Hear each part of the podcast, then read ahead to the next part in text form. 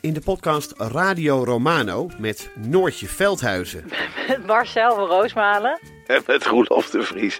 brengen we alle drie elke week een zogenaamde signalering mee. Wat heb jij nou weer bij je? En aan het eind bepalen we wie de winnaar van de week is. Echt een angstcultuur Lege huls die je er bent? Ja, dat gaat eigenlijk altijd onvriendelijk.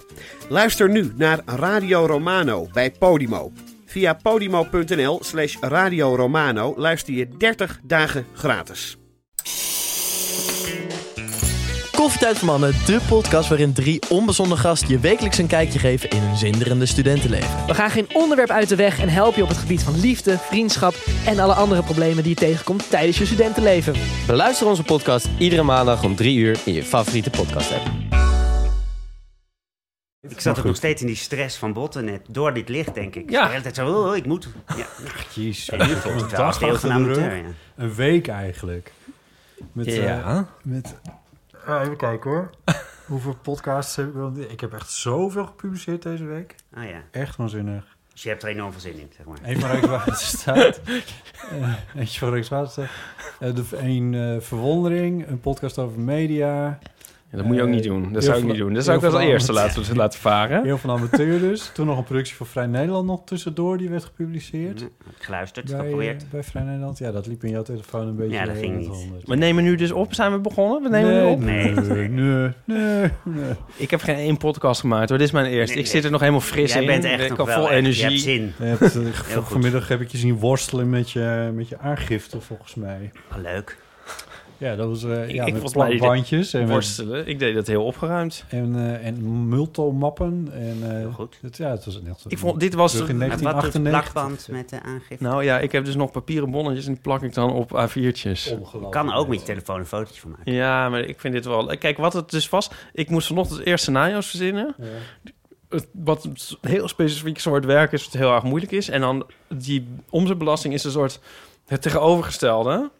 En het is dus de perfecte manier om af te kicken van die, dat scenario's verzinnen. Ja, als ik, als ik helemaal nergens zin in heb, ga ik altijd administratie doen. Ja. Ik vind het stiekem wel leuk, Ja. eigenlijk. Maar het is ook een soort, soort, soort terug op aarde komen als je zeg maar heel intensief... Het is heel intensief dat nadenken over die domme grapjes. En als je dan niet iets heel doms gaat doen daarna, dan blijf je daar een soort Ja. in hangen. Ik, ik, heb, ik heb hem helemaal. Ik doe het ook op de lekkerste momenten. En ik, ben, ik doe het allemaal digitaal en het is gewoon een soort klikwerk, zeg maar. Oh ja, nee, mijn ik zit er met, eh, met prikkers, dan haal ik bonnetjes vanaf en dan eh, zit ik het met... met eh, wat ik ook altijd doe is met een ehm, markeerstift, doe ik altijd de datum van het bonnetje, markeer ik dan. Want anders moet ik altijd de hele tijd zo zoeken van wanneer is die datum, wat is de datum op het bonnetje. Want dat ga je ook echt overtypen in de administratie. dat typ ik er nou over, ja. Nou, je hebt dus tegenwoordig boekhoudprogramma's dat je een fotootje maakt en dan staat Ja, weet ik. Maar dat doe je niet aan. Nee. Nee. Drie uurtjes ben ik hiermee bezig geweest. Nou, het waren de lekkerste drie uren van de afgelopen maand. Van fotostrips BV. Nou, nee, is geen BV? BV. Ah. Nee. Wat kijk je mij aan? Ja, Wat kijk je mij wie, aan? Ga, wie gaat er nog, nog dingen over zitten typen? Dat Nou, toch- waarom niet? Zat ik het Waarom niet niet? fluitend te doen? En ik het is gewoon een goede manier dat is om... waar, eh, ja. Je een hebt soort- de soort- hele middag niet geroepen... ik wil dood, waarom ben ik nog niet dood? Terwijl dat normaal gesproken toch wel een paar keer per uur... Precies. Ja. Ik, eh, nee, ik, ik snap je wel. Het is ook een soort vorm van ehm, eh, contact met de materie krijgen. Oh, Mhm.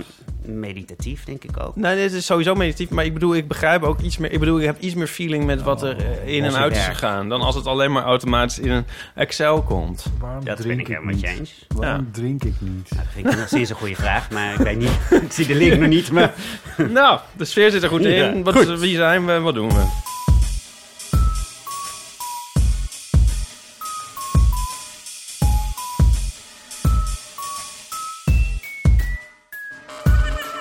Welkom bij de Eeuw van de Amateur, aflevering 80. Het is donderdag 24 januari en aan tafel zit Ipe Driessen Hardo. en Teun van Essen. Ja, grote eer. Ja, je bent al een aankeer- aantal keren eh, aanwezig geweest in de podcast. Dat wil zeggen by proxy. Dat wil zeggen via de eeuwofoon. Belde je dan in of liet je een berichtje achter. Eh, als ik het nou even goed terug had gevonden... dan was dat in eigenlijk pas november voor het eerst. Ja, toen heb ik jullie ook pas ontdekt. Nee, dat is, ja, en jullie vroegen toen om, om verhalen natuurlijk. Maar Ja, we eh, vroegen voor, voor- de, voor, de, voor, voor toen voor wat een verhaal vroegen wij Ja, verhalen. en, ik, en ja, maar, maar jij reageerde toen bij die eerste keer dat je een berichtje instuurde. Maar ik verbaas me een beetje over dat het november was. Maar je hebt volgens mij elke aflevering ongeveer iets ingestuurd.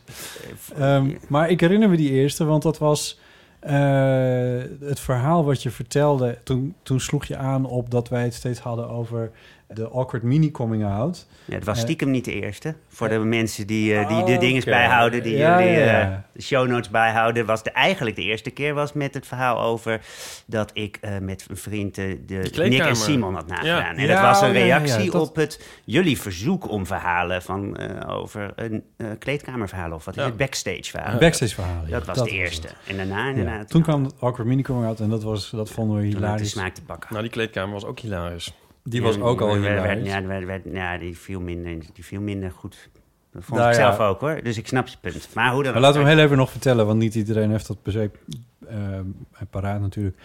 Eh, dat was het verhaal van dat jij in een denktank van een kunstraad... Het tweede verhaal. Ja, nee, dus dat, dat had er eigenlijk mee. Ja, je, dat- is echt wat je hebt onthouden. Ja. Nee, nee, nee, nee. nee. Kijk, Nee, ja, ik kan ook met de clue beginnen. Wil je subsidie of wat?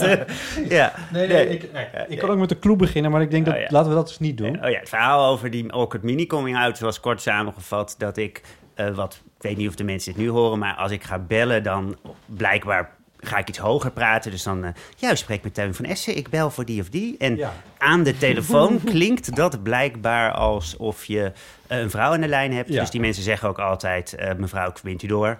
En dan wil je ingrijpen en dan lukt dat niet. En de volgende die heeft dat dan ook op zijn blaadje al staan. Dus het werkt ook nooit. Nou goed, dat verhaal heb ik helemaal verteld. Kunnen mensen natuurlijk nalezen en dat, ei- luisteren. En dat eindigt er inderdaad mee dat, ik, dat dat zo ver ging dat ik in een, uitgenodigd werd voor, Voor een, denktank. voor een denktank. Maar dat ze eh, dachten dat ze alleen maar vrouwen Ja. hadden uitgenodigd. Zodat het, Om nou eens een om keer een betere verdeling tussen mannen en vrouwen Ja. te krijgen. Ja. Ja, ja, heel Ja, gênant. dat vonden wij hilarisch. Nou, gelukkig, dankjewel. Ja, dus dat was heel erg leuk. Maar, ehm, eh, en Maar die 100 euro die je gaf, die deden het hem dat je Ja, weer weet wat aanschuiven. Ja. Ehm, laat ik nog eventjes iets anders zeggen voordat we eh, helemaal losbarsten. Dat is namelijk ehm, eh, wat we ons voorgenomen hadden om iedere keer aan het begin van de afleveringen te zeggen. Ehm, wil je meeschrijven aan de website van de Eeuw van de Amateur, dan kan dat. We hebben namelijk een show notes wiki. Die is bedacht en gemaakt door Nico Naus. En dan kun je als luisteraar een bijdrage leveren aan het archief van de Eeuw van de Amateur. Dus mocht je nou denken, hey, een pen, hey, papier.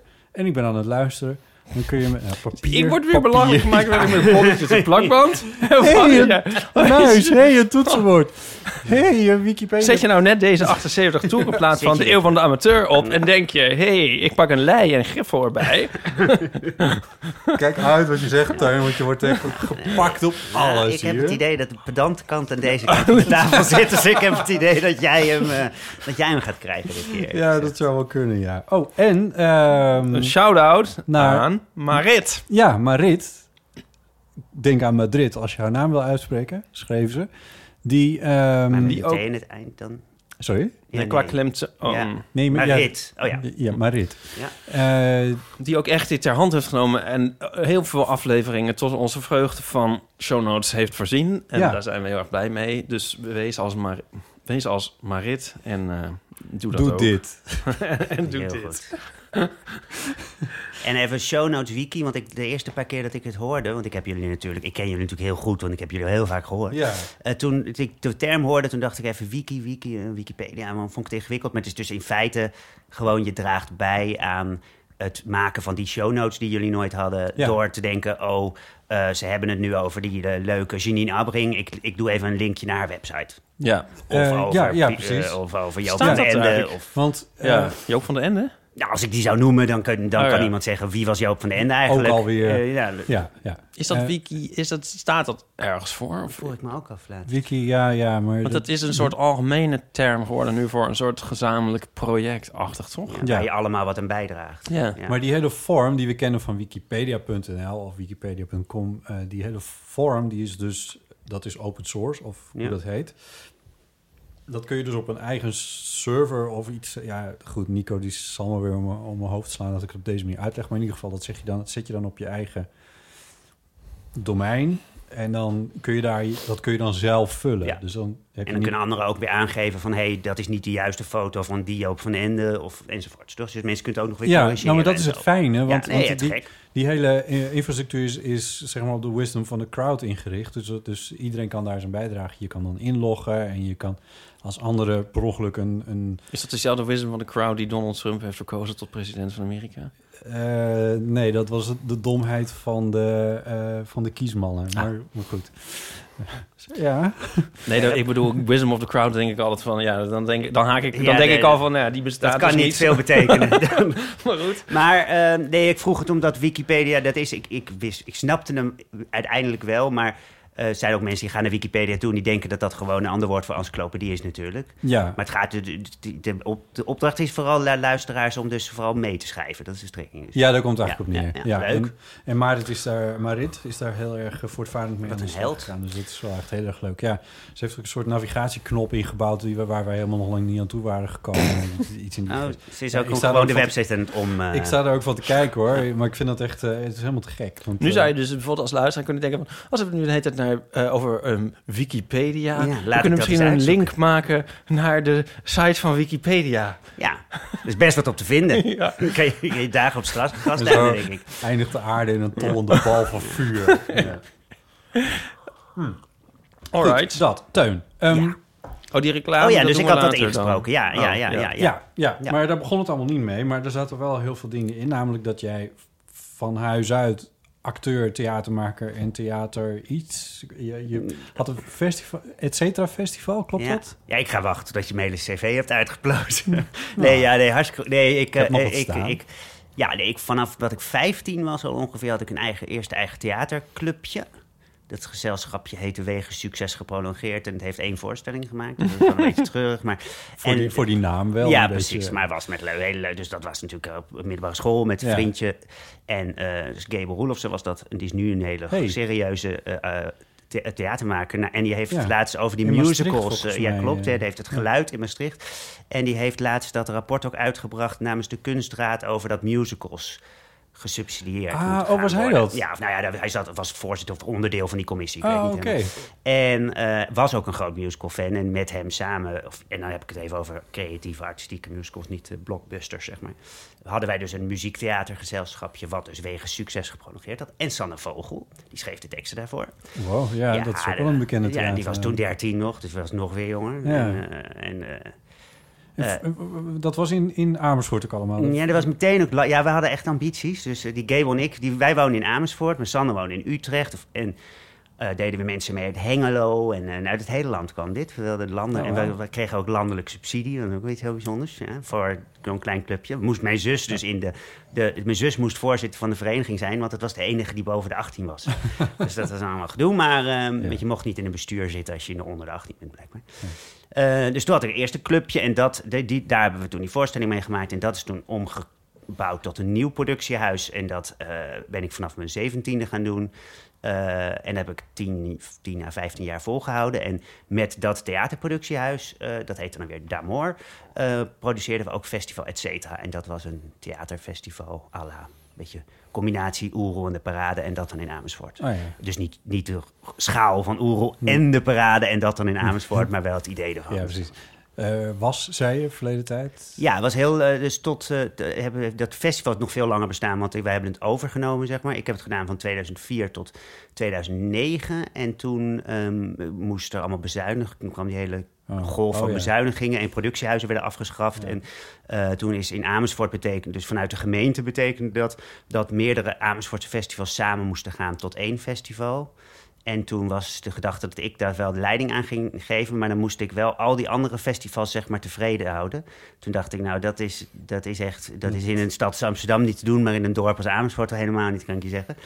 Dus toen heb ik de bal eh, teruggegeven. Ja, oh ja, ja, dat lijkt me inderdaad een rottaak. En ondertussen zat er toen een, iemand in het bestuur die weer in de horeca zat. Want die was drankengroothandelaar. En die eh, zei, ja joh, waarom begin je niet een kroeg? En toen ben ik een kroeg begonnen. Ja, Ja, dus dat, dat ben ik daarna gaan doen. Je bent eigenlijk de Amersfoortse Henk Westbroek. In, eh, god, mijn god, nou dank je. Ja, je meest- ze zeggen eigenlijk altijd Sjoerd Kooistra, maar dat is ja, ook niet een enorm gro- groot compliment. Maar, maar ja. ja, ze zeiden daarvoor altijd, je bent de nieuwe Joop van de Ende vroeger toen ik eh, 19, 20 was. Dus ik word wel met, met grootheden vergeleken, maar ben het niet helaas. nou ja, één kroeg, maar dat is ook al een beetje uit de hand aan het lopen, geloof ik, hè? Dat zijn vier, ja. nu. Ja, en ook in Hilversum, geloof ik. Amersfoort, ja. Ja, Ik had er ook nog één in Hilversum, maar die heb ik Oh. weer verkocht. Oh, die ja. heb je hebt wel goed, ge, je hebt me goed gegoogeld. Ja, journalist, hè. Nee, dus dat is weer wat anders. Maar ik maak ook nog steeds wel theater. Ja, ben je daar ook veel dan in die kroegen?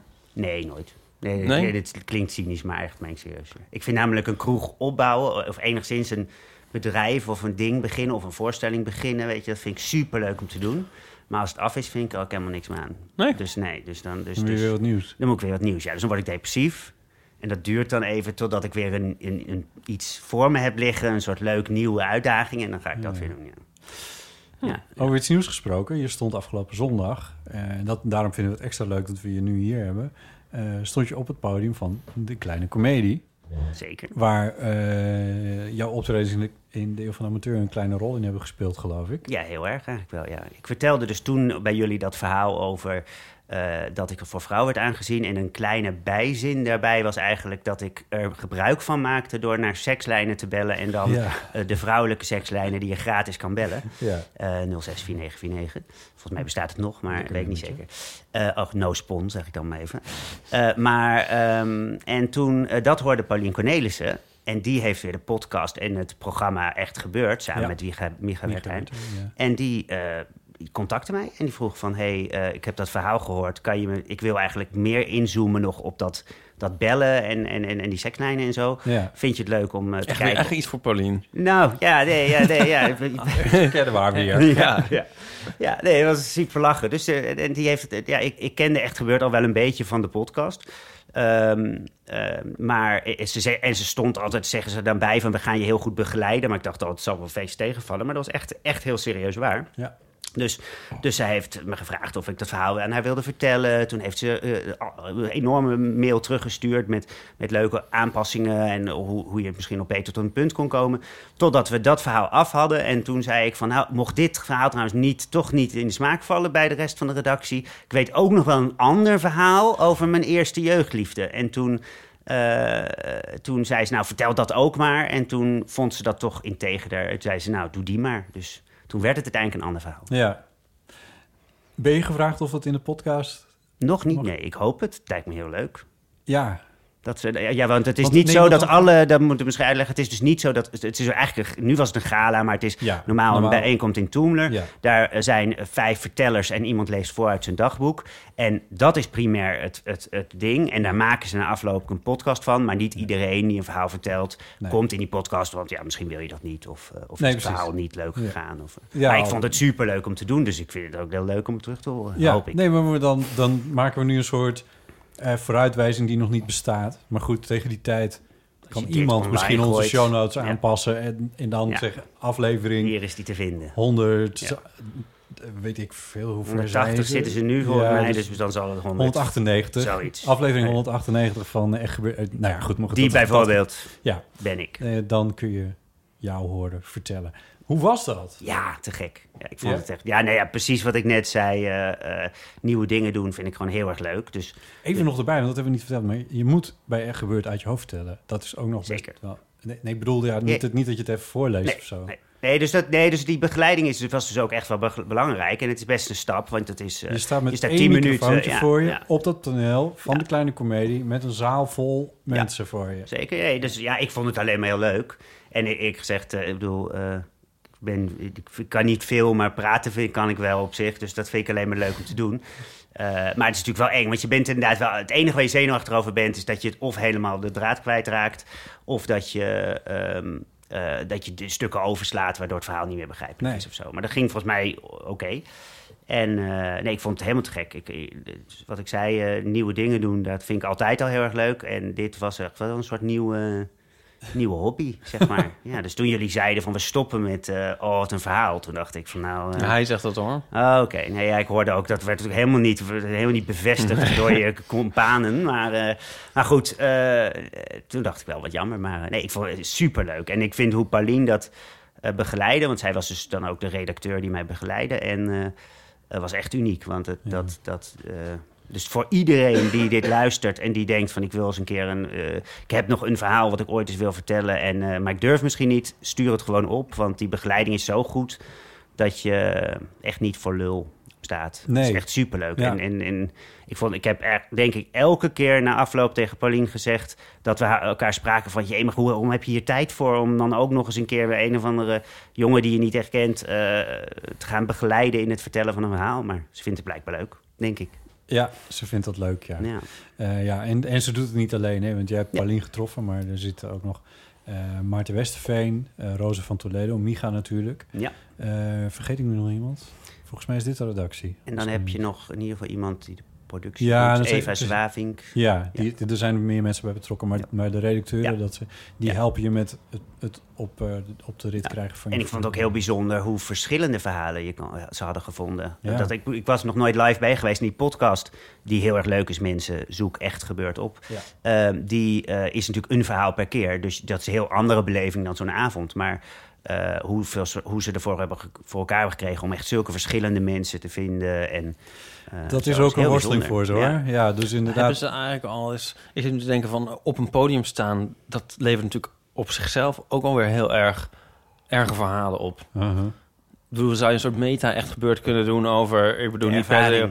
Ja, niet over echt gebeurd per se, maar over op een podium staan en wat daar allemaal mis. Of Eh, hebben ze dat wel eens gedaan? Ja, nou, zoiets. Ze bestonden eh, een jaar. En daar heeft Gijsbert van der Wal een documentaire over gemaakt. Eh, een verhaal van een uur, wat ook echt aanbevelenswaardig is. Die is ook terug te vinden in de podcaststream van, eh of hoe heet dat ding, van, het, gewoon in de podcast van, eh, van Echt Gebeurd. Dus dan hoor je in dat... Soms wordt dat een beetje meta, inderdaad, ja. ja. Ja, Maar desondanks, ik snap je punt wel. Maar, en ik denk, dat- het is ook nog elke, elke ja keer dat zal met een daar niet zo thema. snel gebeuren misschien, En- maar Nou ja. bij, hè, als je... Ik bedoel, Ja. iedereen heeft toch wel eens op een podium gestaan en daarna gedacht van, oh, dit, wat was het verschrikkelijk. Oh. Al was het maar alleen maar om, eh, ik weet niet, al was het maar om een diploma in ontvangst te nemen, zou ik maar zeggen. Ja, Ja. ik bedoel, het zijn wel momenten waarop het ergste, de ergste dingen kunnen Ja, gebeuren. de- ja, het moet, ja, dat is dus waar, maar moet ik wel even de echt gebeurd dan verdedigen dat die begeleiding en alles Nee, nee, nee, is dus wel ik dus daar zo dan, daar dan dat net het daar niet. dus net nee, niet daar gebeurt. niet. Ja, nee, nee, nee. want dat, Ja, ik, ik moet nu denken aan... eh, vertel jij eens een Nou, verhaal over ik moet- podia. eh, nee, ik, nou, nee, maar ik moet denken aan het bureau. Eh, dat ik, eh, hè, ik lees het bureau, dus moet ik, kan ik het over niks anders meer hebben. Voskuil, ja? Maar de twee leukste scènes tot nu toe zijn in deel 2 en deel 4, geloof ik, als eh, Maarten Koning, de hoofdpersoon, de, iemand moet toespreken. eh, vanwege een pensioen en vanwege een, iemand wordt 50. Mhm. En dan gaat het dus helemaal mis. Hij haalt ze door elkaar. Of, Nee, nee, nee. Nee, dus er staan, zijn, gaat er op, het zijn twee verschillende gelegenheden. Maar ehm, hij slaat dan een toon aan. Hij probeert grappig te zijn en dat werkt dan niet. En ehm, dat is heel erg hilarisch beschreven. Maar dat is ook zo grappig omdat het een soort herkenbaar is van... Hè, als je in het openbaar spreekt en dan gaat het een soort de mist in. Nou ja, Ik weet, een, een overbuurman van mij, die was hoofdredacteur van een magazine van een, iets christelijks. Hij was niet helemaal niet zo christelijk, maar hij was de hoofdredacteur van. En die ging toen afscheid nemen van iemand. En dat was iemand die eh, gay was, wat natuurlijk helemaal prima was. Maar dit verhaal speelt zich wel twintig jaar geleden af. Dus ligt allemaal misschien nog wat gevoeliger. En diegene was nogal een regelaar binnen die club. Dus hij deed die speech, die hoofdredacteur. En die zei van, nou, dan hebben we ons... Hij was echt wel de regelnicht van, onze, van de zaak. Maar helemaal als een soort, dat kan hij wel hebben. En dat vindt hij superleuk. Maar die man is dus boos de zaal uitgelopen. Oh nee! ja, ja, ja, regelnicht. Ja, ja, zou, jij, zou je er boos over worden dat Nee. iemand zou zeggen... de regelnicht Ipe Dat hangt er een beetje vanaf, maar... Ja. nou, het ligt eraan. Ja, je weet Ja. het nooit. Maar het kan, Ik denk nou ja. dat het de tijdgeest was. Ja, Ik moet denken, nu, nu moet ik wel denken aan een gelegenheid.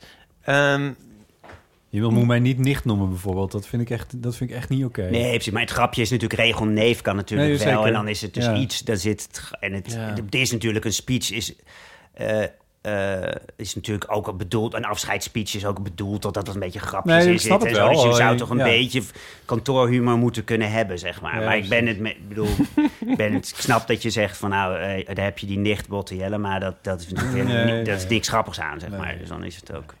ik heb wel eens een presentatie gegeven voor één persoon. Oei. Ja, eh, ja, ik zit te denken van... Met zo'n fotostrippresentatie. Ja, verschrikkelijk. Eh, drie keer achter elkaar moest ik dat doen bij, voor de bibliotheek van Hogeveen.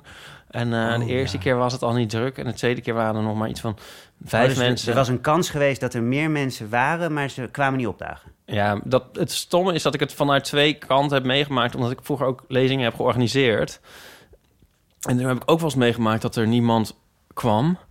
En dan voel je als organisatie, organisator voel je je heel erg. Maar als je dus ergens gaat spreken en er komt niemand, dan denk je, oh, eh, tenminste ik ook weer, dat van dat het aan mij ligt in plaats Ja. van dat ik het de organisatie Ja. verwijt. Terwijl er was van alles en nog wat te doen en het was sowieso was er niemand. Maar die derde eh, lezing, dus lezing, die, eh, toen was er maar één iemand. Het is een soort één op één gesprek. Ja, maar toen, eh, dus ik had ook nog heel moedig doen. Maar toen bleek ook nog gaandeweg dat het iemand was die ehm, niet volledig verstandelijk. eh, Ah. Die hadden ze er even geparkeerd. nou, die, die kwam dus altijd daar, een soort, ja. bij alles. nou ja, wel leuk. Maar en waar ging de presentatie over? Ja, over, over mijn werk, over fotostrips. Maken, ja. Of is dit... Maar heb je het wel benauwd, disabled hoor? shaming, wat Huh? we nu aan het doen waren? Wat is dit? Of is dit disabled shaming, wat we nu Het is geen disabled shaming, maar als je al... Mijn aan- opmerking misschien, maar... Nee, maar ja, als je al een lezing voor één iemand staat te houden... en dan aan, aan begint het je langzamerhand te dagen... dat diegene niet helemaal goed is... dan, dan wordt het toch wel heel gênant. Ik heb ook, ja... het is gewoon heel gênant. Ik ben ook een keer helemaal naar Groningen gegaan... ook voor een lezing. En daar was dus ook niemand. Behalve de organisatie, maar dat waren studenten. En die organisatie was op zich enigszins talrijk. En ehm, nou ja, toen heb ik het maar voor de organisatie gehouden. Maar goed. Ja. Echt gebeurd is doorgaans uitverkocht. Ja. Dat is, eh, ja, ja, nee, dat, nou ja, dat was dus eigenlijk, dat vond ik dus ook nog zo bijzonder. Hè? Dat, dat, dat je hebt in feite zes onbekende mensen op een toneel staan. En dat ze blijkbaar door hoe leuk ze zijn en hoe leuk dat die podcast is en, en hoe leuk die avonden zijn, dat het gewoon lukte om een hele kleine komedie uit te verkopen. Op Ja. totaal niet bekende namen. Dat is uh, superleuk. Ja, zeker. Ja, dat doen ze heel erg goed. Ja. Wat wel grappig is, eh, ik weet niet hoe jouw ervaring was, misschien zaten er bij jou veel meer kennissen in de zaal. Maar meestal als je een theaterproject doet, dan hoor je heel veel terug, omdat je heel veel mensen kent die in de zaal hebben gezeten. Of hè, je speelt vaak iets vaker Ja. of zo. Maar nu doe je dit dus één keer. En ik had, er waren twee mensen in de zaal die mijn vrijkaartje hadden. En voor de rest was het uitverkocht. Dus verder ken je niemand. Dus dan heb je opgetreden. Maar daarna hoor je eigenlijk nooit meer iets. Nee. Of eh, dat, dat, dat. Ja, Maar goed, dan komt die podcast dus. nou ben ik als, eh, ja precies, nou ben ik als radiomaker dat wel een beetje Ah, gewend. Ja. Maar toen ik bij Echt Gebeurd optrad, toen heb ik niemand uitgenodigd. Oeh. Ik vond dat echt te eng. Ah. Ja. Ah, Nou het was ik- leuk verhaal. Dan ken ik de hele organisaties ongeveer. Dus dat was op zich al eng genoeg. zoek echt gebeurd op. Want Botti Jellema is daar ook te vinden op de podcast. Ja, dat is waar. Ja. Ja, dus je kan hem luisteren, eh, luisteraartjes. maar er is ook een verhaal dat ik daar heb verteld wat niet op de podcast is Ah. gekomen. Vertel. Nee. Oh, jammer. hey, zullen we gewoon, want ik mocht helemaal niet interviewen van jullie. Nee. eens. Ehm, Eh, ik heb nog een ding. Nu we het toch over uitverkochte zalen hebben. Ja, we moeten ook nog mededelingen doen over onze eh, uitverkochte zaal volgende week. wat zoek je, Teun? ja, wijnglas natuurlijk. Ik ga niet Oh, ja, drinken. nee, je, de- boven de, de oven. Ik doe, ik doe thee. Ik deed die thee vooral voor de vorm. Een soort Uit beleefdheid. als kroeg, als kroegbaas ook nog meteen wijn te vragen. Ja, waar kan die wijn eigenlijk vandaan? Ja, uit, nog in mijn eh, koelkast? IJskast. Uit de ijska ijskast. Oh ja, heel goed. Sorry, Ipe, jij was... eh, Volgende, volgende week hebben wij een eh, uitverkocht evenement in Vondel CS. is gewoon waar. En eh, wij moesten iets zeggen van Julia en Steven, volgens ja, mij. Zal ik dat eventjes Ja. netjes doen? Ehm, Want nu luisteren de mensen nog. Ja, want het is een beetje bring your own theemok. Oh ja. Eh, dus je kan je eigen theemok meenemen. Dus gratis thee te krijgen. Eh, voor een extra huiselijke sfeer, zo schrijft Julia erbij. Maar de afloop kan je ook een mok kopen. Ja, want we hebben... Is dit, een, is dit, een, is dit Nee, dit is helemaal nieuw. Dat nou Vorige eens week... niet heb- na afloop doet, dan weet je zeker dat de oplagen een beetje goed eh, Ja, dat is doorheen waar, gaat. En ja. ook Ja, niks zeggen en ze vooraf verkopen. Hé, oh, je Ja. hebt je weer vergeten, joh. Nou ja, voor 8 euro. Laat je theemok eh, thuis. Oké, vergeet dit maar weer. En, Knip je, dit en je maar. kan een eeuw van de amateurmok kopen daar. Wat gaat die kosten dan? Ja, dat weten we eigenlijk ook. We moeten nog even eh, de prijselasticiteit moeten we nog even onderzoeken. maar jij bent ondernemer, jij zegt 8 euro, dus dat lijkt me een heel goed bedrag. Zei je 8 euro? Dat, dat leek, gokte ik zo, ja. Nou, toch? Dan leggen we er net iets op toe, dat kunnen we Oh ons nee, wel nee, veroorloven. donder op. Ja, maar wat nee, we joh, ook dan nog- doe je toch gewoon... De, oh ja. Waar we ook nog niet over nagedacht hadden, was hoe mensen dat aan ons kunnen betalen. Dat Jawel, met een tikkie vanaf de eeuwenfoon. Ja, maar dat moet ik ook nog allemaal voor elkaar zien. Allemaal. Een Kan hele oude... kan maar een pinautomaat meenemen. Echt een heel oud telefoontje, hè? Moet ik een pinautomaat voor jullie meenemen? ik meen het serieus. Je hebt gewoon een pinautomaat. Ja, je hebt, je Ik hebt heb de horeca. wel, wel 28 pinautomaten, kan ik je zeggen. Nou, dat, dat Nee, is kan. misschien wel fijn. Meen je dat echt? Ja, zeker. Dus niet een tikkie Kom, met het de komt het geld wel bij mij binnen trouwens. hè. Ja, Dat moet je nog even We realiseren. hoopten maar- dat we dat dan ook weer van je dat- terug ja, zouden nee, ja, dat, eh, ja, nee, dat kan. Ja, Nee, oké. Oh, wauw. Nou, Nou ja, tof. geregeld. Ehm, Oh, mooi. En even kijken, wat was er nog meer? Oh ja, ja, maar goed, daar hadden we het ook al over gehad. Van, eh, van je kan daar natuurlijk ter plekke ook nog eh, vragen stellen. Eh, en zeg maar eh, eh, dilemma's waar je mee Oh ja, denk na over wat je wil vragen. En komt er een Ja. microfoon te staan in de zaal? Er is een microfoon in de zaal. Ja, precies. Leuk. Ja. Oké. Dus, eh, dus dat, je Nou, kan daar ter zover plekke... Dan, eh, ja. Het is En uitverkocht, begreep ik. En het is uitverkocht. En het wordt, het wordt super gezellig. Als mensen willen gaan bieden op de kaartjes. Ik heb, ik heb in principe voor twee gereserveerd. Maar voor de juiste prijs wil ik ze ook wel weer doorzetten. Ah. Dan krijgen we onze pinautomaat niet meer. ja, dat is dan weer een probleem. Ja, nee, Ticketswap gaan ze nu voor maar 250 twee- euro. Nee, daar doe ik het er niet voor. Nee, dan hou ik ze. Ja, ja, ja. Ehm, dat was dat. Wat was nog iets? Wat was er nou nog meer? Eh, oh ja, het is totaal unrelated. Je hebt, echt, je hebt echt een enorm draaiboek en daar zijn we nu doorheen. Ja, bijna. Oké, nou top. Nee, we gaan Eh. gewoon verder.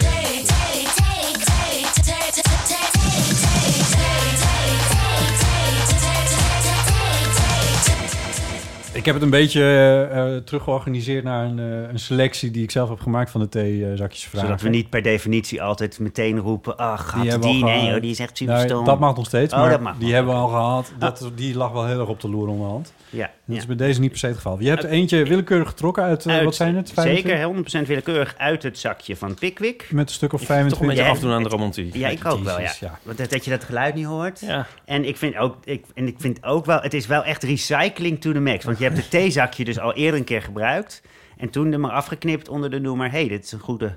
Nou, dat vind ik dan wel weer heel mooi. Maar Ja, dus ik, dus zo kun je het ook bekijken, Ipe Driessen. Ja, Gewoon ja, met maar ja, zorg. ik weet, het is ook, een, soort, het is ook. een soort illusies in stand houden. Je- We kunnen ook net we kunnen doen ook acteren, alsof, wou ik zeggen. We kunnen ook net doen alsof we nu gewoon een theezakje Ja. pakken. En dat het gewoon geluk is dat het altijd een leuk is. ja. Alles wat hier gebeurt is echt.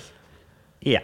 Ehm, dan eh, de belangrijke vraag van de mensen van het theezakje. Waar geef jij te veel geld aan uit? Oh ja. Oh ja. En deze hebben we nog niet gehad. Ja, volgens mij hebben we deze... oh, wat is dit voor een- foolproof systeem? Moet ik het Die hebben, toch- die hebben we vorige week gehad of zo? Nee, Toen begon jij weer nee, over... Niet vorige eh, week. Nee, vorige week hadden Ja, we het over met Hiske. ja. Ja, nee, maar toen er... Nee, dit telt niet. ik zei helemaal niks. Nee, maar Hiske had het toen over dat ze voor 1000 euro uit eten was gegaan. En toen hadden we het over. Maar dat was niet naar aanleiding van een theezakje. Oh, Maar we hebben dit theezakje wel een keer gehad. Dat is zeker waar. Ik heb al een nieuwe. Ja, Oké, maar. check, dames en heren. Waterdicht, theewaterdicht. Heerlijk. Wat is jouw mooiste jeugdherinnering? Oh, Oh, dit Oh, mag ik inbreken. Eh, ik had laatst een theezakje van de week eigenlijk. Dat heb ik ook nog een hele tijd op mijn bureau laten slingeren. Van, hé, dat moet ik meenemen, want die vraag is heel goed. Maar na een tijdje was ik het zo zat dat het een soort onfilebaar op mijn bureau lag. Toen heb ik het maar weggegooid. Maar ik weet hem nog. Kun je ook een foto van maken? Ja, en dat is ongeveer het tegenovergestelde van deze vraag. Dat was, wat is het stomste wat je ooit gedaan hebt? ook een heel grappige vraag. ja. Maar goed, daar wil ik het even mee contra- contrasteren. Kan maar ook. Ja. dit is de mooiste jeugdherinnering. Ja. Nou, Ja. nee, laten we die gewoon doen. De mooi, je mooiste jeugdherinnering. Ja. Ik zou het nu weten, dus begin, begin, begin maar. Ja, nou, lekker. Iets met, een, met, eh, Iets met iets koeien. met Friesland. Ja, precies. Ehm, wanneer had je jeugd op? Voor mij is het twee Puberteit? jaar geleden, maar... Ja, wel hè. Ja. Denk ik. Zo laat? Nee, of gewoon 18 bedoel je. Wat? Oh. Tot student bedoel je bij je jeugd. Oh, ja? Ik zie bij jeugdherinnering toch iets meer van een kind vormen. Van een, ja. Oh, je bent nog korter. ja. Maar hoe heet je, of hoe heet dan, dan heet je jongere herinnering tussen je tiende en je twaalfde? Of Ik vind jongeren juist weer ouder klinken. Oh. Oh. 24 ben je ook een je jongere. voelt ook een soort jongere nog steeds, ja. ja, nu wordt het wel heel ingewikkeld. Wat gaan we nou doen? Tussen de tien en tussen de nul en de... staat er weer niet bij. Ja, is er niet over nagedacht bij Tot Pickwick. 10, zeg maar, max. Nee, ja. Ehm, nou ja, ik denk toch eigenlijk wel dan... Ja, het is niet heel specifiek één herinnering of zo, denk ik. Maar wel de zomers op de boerderij. Dat was toch wel heel erg leuk. Ja, de zomervakanties eh, op de boerderij. Ja, wij gingen nooit in de zomer weg. We gingen nooit, ben nooit met de familie naar Frankrijk geweest of zoiets. Eh, we bleven... Want ja, er was gewoon veel werk op de boerderij. En dat deed ik dan ook wel mee als ik dan wat ouder was, zeker Meewerken. meewerken, ja. Ehm, Mooi. eh, en als kind eigenlijk ook al wel. Ehm, en, maar die zomers, die herinner ik me vooral. Dat, dat, dat er, ja, dat was veel ruimte, er was water, er was... Heerlijk. Het was, ja, het was gewoon echt heel erg fijn. Eén keer in de zoveel tijd. We hadden dan familie in, eh, die in Zimbabwe wonen. Of in ieder geval in die eh contrij. Want de familie Jellema, die vind je meestal in Friesland. Plus dat plukje Jellema's uit Zimbabwe, begrijp Ja, dat is een goede Wat in ik al vaak verteld heb, is dat ik een neef heb die ook Botte Jellema heet. Zeker. Maar wat weinig mensen weten is dat die, de- deze Botte Jellema is in Friesland geboren... en die Botte Jellema is in Kenia Ah. geboren. Ja, dat is echt waar. Ehm, de, nee, maar goed. Die, de- Dat is de- nog die- eens de Friese diaspora. Zijn ouders eh, die eh, deden ontwikkelingswerk daar. Ehm, en Ah. eh, in die contraien in ieder geval. dus Malawi, Zimbabwe, Kenia. volgens mij in Rwanda ook nog op een gegeven moment. Dus wel, ook wel moeilijke dingen. Ehm, maar goed, die kwamen één keer in, de twee jaar kwamen die dan eh, terug naar Friesland. En daar stond een heel klein, of een heel klein, een, een, een hoe heet zo'n ding? Zo'n staakerven achter. Ja, wielenhuisje noemden wij het Nou, die luister. eh wielenhuisje. Eh, en daar verbleven ze dan in. En dat was super gezellig, want die kinderen die waren nou, niet helemaal in onze leeftijd, maar dat was wel heel erg leuk. Dat, dat- ineens waren er heel veel kinderen op de boerderij. Ik heb één broer en twee zussen. Ah, Dus Oké, dus je waren al met z'n vieren. we waren met z'n vieren. Zij waren ook met z'n vieren. Ja. Dus ineens kwam er, was er een hele ploeg kinderen die van alles aan het doen was en het bedenken was. En die Nederland fantastisch vonden omdat ze hier niet zo vaak waren. En, eh, dus dat, dat is wel... En dan spraken jullie Fries. eh, Spraken zij ook nog met Fries? hen spraken wij... Nou, zij hadden een Nederlandstalige moeder. Die kwam uit de buurt van Delft, volgens mij. Eh, volgens mij spraken wij Nederlands met ze. Oké. En wat voor activiteiten deden jullie dan? Ja, dat we voetballen en slootjes springen en eh, gewoon echt de, alles. Al- Alles wat je Heerlijk. daarbij eh, kan bedenken. Nou, ja. ik, ik snap hem wel, deze Ja, jeugdherinnering. ik denk dat dat mijn leukste jeugd- Ik denk dat dat mijn mooiste jeugdherinnering is. Aan de, de, Je jeugd. Mijn, Nee, maar ik, ik kan me iets weer voorstellen dat er winters waren... dat je dacht, wat doe ik hier zielig in mijn eentje op de boerderij? Ja, ik denk dat als je als kind denk je dat toch nog niet echt van wat doe ik hier. Nee, maar nee. Dat, Ik bedoel, ik kan me nog wel Dat herinneren denk dat, je er- van je zestiende tot je, tot je negentigste. Ja, iets eerder tot iets later. Maar eh, wat, we, wat ik wel weet is dat we woonden echt in een... de- ja, die boerderij, dat was niet, niet helemaal state of the art, laten we het zo zeggen. Tenminste, de boerderij wel, maar gewoon het woonhuis, dat was allemaal niet heel veel soeps. Ik, ik herinner me dat we Nou, dan in de woonhuis winter... noem jij dat niet een onderdeel van de boerderij? Mm, Nee, dat stond er voor. Dat wil zeggen, het was er wel mee aange... Nou ja, goed. Het was- Nee, ik vind het echt interessant. Dus als wij zeggen boerderij... ja, maar dan- je had het, het woongedeelte en de boerderij. Ja, de Ah, boerderij, ja. dat was echt wel voor de dieren, laten we het zo Ja, nee, ja, nee, grappig. Want ik bedoel, ik, je ziet ook wel eens een boerderij... Iemand woont ook wel eens in een boerderij, bij wijze van spreken. Dat is dan gewoon het huis. Ja, Dus die heeft verder niet eens meer koeien, maar dan vind je Nee, nog een precies. boerderij, zeg maar. ja. Maar jullie, zeggen, jullie Dat noemen wij- eigenlijk de wij- boerderij, dat is waar de dieren stonden. dat noemden wij boerderettes. Ja, nee, dat is nou, die ken ik. Maar, maar dan is het ook echt gebouwd als zodanig, neem ik. Eh, Ja, ja, maar er is wel natuurlijk wel een duidelijke afscheiding tussen waar de dieren zijn en waar de, waar de mensen leven. Ik bedoel, vroeger was dat wat minder helder, maar nu, dat- ja, dat is nu natuurlijk. Anyway, Nee, ik vind het mooi, kon eh, mooi dan- want dan gebruiken wij dus boerderij interessant. verkeerd. Ja. Ja. oké, nou ja, goed. Maar wij zetten dan wel eens een, eh, of wij, ja, nou ik in ieder geval, zetten dan wel eens een blikje water in de vensterbank in de winter. En dan was het 's ochtends bevroren. Zo koud eh, was het op mijn eh, slaapkamertje daar. Ja. Dus dat, eh, dat was de winter. Ja, de winter op de boerderij. Dat was, als het goed winter was, was het ook wel fijn. Want er waren zoveel Schaatsen. ja, schaatsen en dat soort dingen. Heb je ook, Ja. Ben je een goede schaatser? Ja, wat is goed. Nee, maar heb ik- je F-Steden koorts nu? eh, n- Elfstedenkoorts, nee, dat hebben Friesen niet. Niet tot het begint. Maar zou, En- zou dat ook een leven zijn waar je dan ooit naar terug zou gaan? Nou, ik vind Amsterdam wel heel erg leuk hoor. Ja, dat snap ik. Omdat er later ook wel dingen zijn gekomen in Friesland waar ik helemaal niet zo gelukkig mee was. Ja, maar je hebt dan een eigen soort biotoop, zeg maar, in je jeugd daar met die boerderij. Ja, Ja. Met dat ondergaande zonnetje. Ja, ja, maar ja, op een gegeven moment dan begin je, begin je te puberen en dan begin je andere mensen interessant te vinden. En om die te vinden, en zeker mensen die jou dan ook interessant vinden, dan wordt dat ingewikkeld op je kleine boerderijtje in the middle of nowhere. Nee, hoewel er natuurlijk tussen Amsterdam en per se een boerderij in de middle of nowhere zitten natuurlijk ook nog wel hele mooie middenwegen. Die iets minder nou middel... Bijvoorbeeld. maar ehm, eh, nee, maar ik bedoel, je, dus, je hoeft niet in Friesland een boerderij te hebben. Je kan er ook in, in- wel op een half uurtje afstand van een stad een, boerderij, een leuk buitenverblijfje hebben. Ja, nee, dat is waar. Ja, tenminste, ja, met mijn huidige inkomen zit dat er niet echt in. Maar eh, je, ja, dat is op zich mogelijk. Eh, maar kijk, dit waren hele leuke herinneringen die ik nu vertel over een locatie, maar die meer te maken hadden met de tijd waarin het gebeurde, denk ik dan per se met de locatie. Ik denk namelijk dat als je iemand vraagt die in de stad is opgegroeid, of die ook zulke mooie herinneringen, dan komen ze waarschijnlijk met exact dezelfde verhalen. Dus ik, ik denk niet dat dat, dat dat nou per se aan die boerderij lag. Dat ik een fijne jeugd heb gehad of zo. Dat is Nou, gewoon. Ik had er wel een beeld bij. Wat, de- want Amersfoort is voor de duidelijkheid natuurlijk alsnog best wel een stad. En Ja, ik woon zeker. ook wel Ja. zeg maar midden in de. Dus, ik, dus, dus uitzichten over weilanden waren er bij mij thuis ook niet.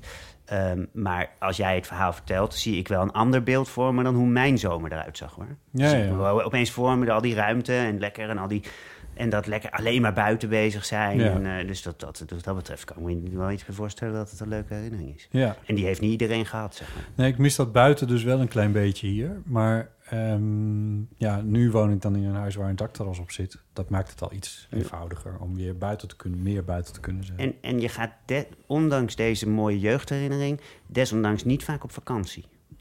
nee, ja. ik me dat zou kunnen voorstellen. Dat je denkt, nou dan ga ik dus gewoon soms lekker in de middle of nowhere een paar weekjes. ja. Ik vind Amsterdam gewoon heel erg fijn op dit moment. Maar echt heel erg fijn. Echt heel erg leuk. Ja, Mooi. ja gelukkig wel, want daar woon ik. Ik was bij mijn tante logeren, dat is een echte Amsterdammer. En die, eh, die woont overigens op de Prinsgracht. Maar, eh, maar goed. En eh, die, die vond dus dat het was allemaal zo geweldig de afgelopen twintig jaar, zeg maar. Want hè, ze had, al, ze had zo'n standaard kroegje had ze. Daar kwamen, de hele buurt kwam daar. En daar, zij ging dus altijd... Vanaf het koffiemoment zat ze in een soort lunch koffiezaakje. En dan, dat ging op de sloffen nog gewoon lekker, hè. Ja. Eh, een hele intelligente vrouw, hoor. geen platte Amsterdamse, weet ik zoiets wel. Maar... En dan eh, rond vier, vijf uur dan gingen ze naar een cafeetje. En daar gingen ze dan een glaasje wijn drinken. En dan namen ze daar een daghap. En zo zag haar leven eruit in het Amsterdamse grachtengordeltje, zeg maar. Ah, ja. En zij vindt er dus nu niks meer aan. Oh. Omdat, eh, ja, omdat ze alleen maar rolkoffers ziet. En Oh, ja. alleen maar toeristen. En dat cafeetje waar ze dus altijd naartoe gingen. De Klepel zo, denk ik, de Klepel. Dat eh, is dus overgenomen natuurlijk door een of andere hippe hipster eh, Ja. restaurant. En dat is dus nu niet meer dat gezellige buurtcafeetje. Nee. Nou, daar heeft, is de hele Prinsengracht Zuid, zeg maar. Of althans, dit stuk van het, Ja. het stationsdeel van de Prinsengracht heeft eh, dat café eh, be, be- bekritiseerd. Die hebben daar opstanden gehouden en alles. Maar dat café is toch gewoon weggegaan. Ah ja, ja. Nou ja, nou ja, er zijn hele delen van de stad die echt niet meer leuk zijn. Eh, Ja, dat is daar ook wel een beetje... Het is wel echt waar, hoor. Het is, Ja. het is ook nooit rustig en het is wel heel veel... eh, ja, heel veel maar toeristen. ik woon net op de rand en eh, dat is wel heel fijn. Dus ik kan alle kanten op. Ja. Ja, nou, als, als dingen veranderen is dat altijd moeilijk voor mensen. En ook vaak Vooral niet leuk. voor jou natuurlijk, maar ja. Vooral voor mij. nou, ik ik bedoel, ja, dat is een cliché, maar ik heb dat wel, ja. Toch? Jullie Ja. niet? Eh, Ik wat? klink helemaal aangedaan, maar dat is omdat ik last heb van mijn keel. Nee, dus als je zo'n leven hebt en een routine en zo, Ja, zoals jouw tante, dan is dat ook heel erg vervelend als, de, als het verandert. Ook zelfs als het misschien voor eigenlijk op een bepaalde manier wel ten goede verandert of zo. Maar als het voor jou ingrijpt in je dagelijks Ja. leven, dan is dat gewoon niet. ja nee, dat Niet is leuk. zo, ja. Zeker. En in dit geval eh, is het natuurlijk ook wel echt waar... dat er delen in Amsterdam zijn... waarvan eigenlijk iedereen het erover eens is... dat het er to- te toeristisch is. Ja, zeker. En, dat, en bijvoorbeeld, wat zij vond bijvoorbeeld ook heel jammer. Zij woonde, zij heeft dus in dat, dat pand eh, bestaat uit acht appartementen.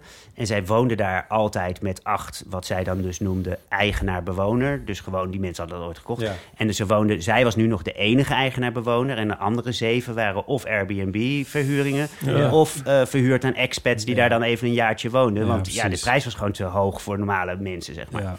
En dat vond zij natuurlijk heel jammer. Want ja, met die mensen heeft ze verder geen connectie. Nee. met vroeger had ze, hadden ze huisfeesten en al dat soort dingen. Dus ja. ik snap haar punt. eh, Nee, dat is goed. waar. Ja. Dat hele Airbnb, ja, dat trekt uit de Ja. sociale samenhang, trekt dat helemaal uit elkaar. En dat, dat, dat klinkt abstract, maar dat is het helemaal niet. En dat, dit is een prachtig voorbeeld daarvan, over hoe dat, eh, hoe dat echt zijn ja, weet je, wat het ook, volgens mij, wat maakt het leven ook leuk, is vaak is dat gewoon uiteindelijk contact met mensen. Ja, Dus als die vertrekken, is waarschijnlijk erger dan het cafeetje is natuurlijk een plek om elkaar te zien of zo. Ja. Maar Ja. Nee, dus het is de optelsom van die twee Ja, dingen. ja. Alleen, eh, zij hadden, het, het was inderdaad wel zo, weet ik ook, want ik heb, ben er vaker geweest natuurlijk, eh, dat er waren, ooit waren er wel acht cafeetjes, wat een soort buurtcafeetjes Ja, waren, hè, die echt gewoon vooral voor die buurt zelf waren. En ja die, ja, die, stad is zo enorm veranderd met toerisme, dat alles wat maar te koop komt, dat koopt iemand op die er dan weer een of ander, of een Nutella, zeg ik, nee, je kent ze allemaal wel. En, en ja, dus vroeger konden ze uit acht cafeetjes kiezen en nu kunnen ze nergens terecht, voor een gevoel. Ja. En dat is, ja, ik- ja, nee. zich, ik hoop dat er een, eh, enigszins hoor, dat er een opmars weer komt van dat soort buurtcafeetjes. Ja. In alle steden, ook in Amersfoort, zou heel leuk zijn. Nou, Want wat, hoe zijn jouw cafés? Zijn dat, Ja, zijn dat heel verschillende cafés? Ja, ja, dat zijn op zich wel verschillende cafés. Eh, het is namelijk een live muziekcafé, Miles. Ik zal de... Ik ga, Ja. eh, no Spoon. Nee, noemen, noemen ze vooral. Nee, Miles is een Vernoemd live naar Miles muziekcafé. Davis? eh, nee, vernoemd naar Miles Davis, waar overigens jouw eh, broer ook nog wel eens optreedt. Eh, of in ieder geval een paar keer heeft opgetreden. dat zou ehm, nog kunnen, ja. Ja, zeker. Ja, dat is leuk. En ehm, daarnaast eh, zit een Brel sinds kort. En dat is een wijnbarretje, genoemd naar Jacques Brel. En eh, iets, iets schuin daarachter is Jackson, genoemd Michael Jackson. En is een, ja, dat is niet moeilijk, maar... eh, en dat is een ehm, eh, dansclub meer, dus dat is echt een, avond, echt een avondzaak. En de vierde DJ. club, die heet...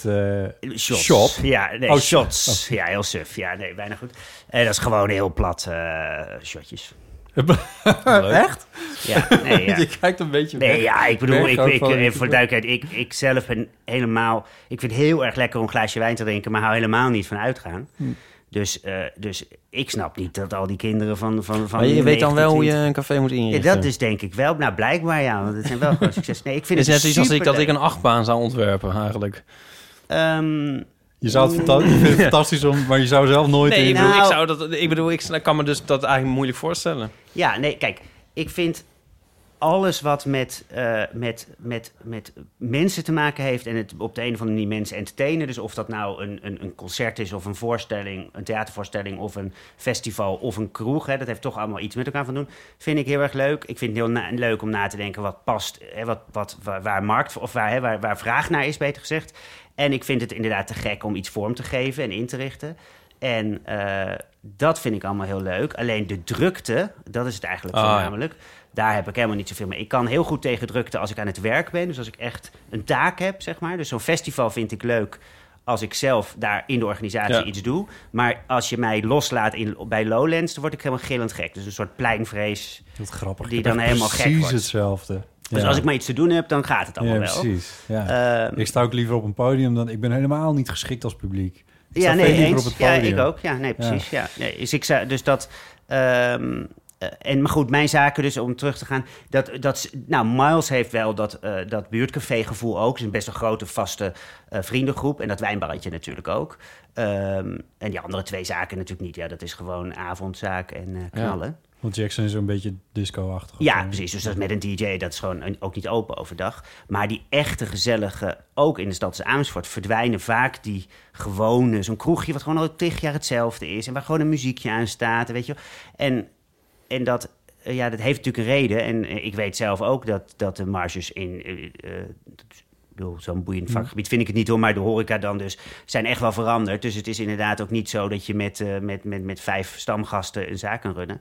Maar ja, het is wel voor de, ja, als een soort buurthuis, zeg maar, natuurlijk super belangrijk. Ja. Dus ik hoop dat dat veel meer weer komt, dat dat wel weer een beetje terugkomt. ja.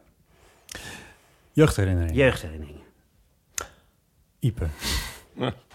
Ja, Tenminste, Teun klinkt naar Ipe. Dus ja, er is er één boven gekomen.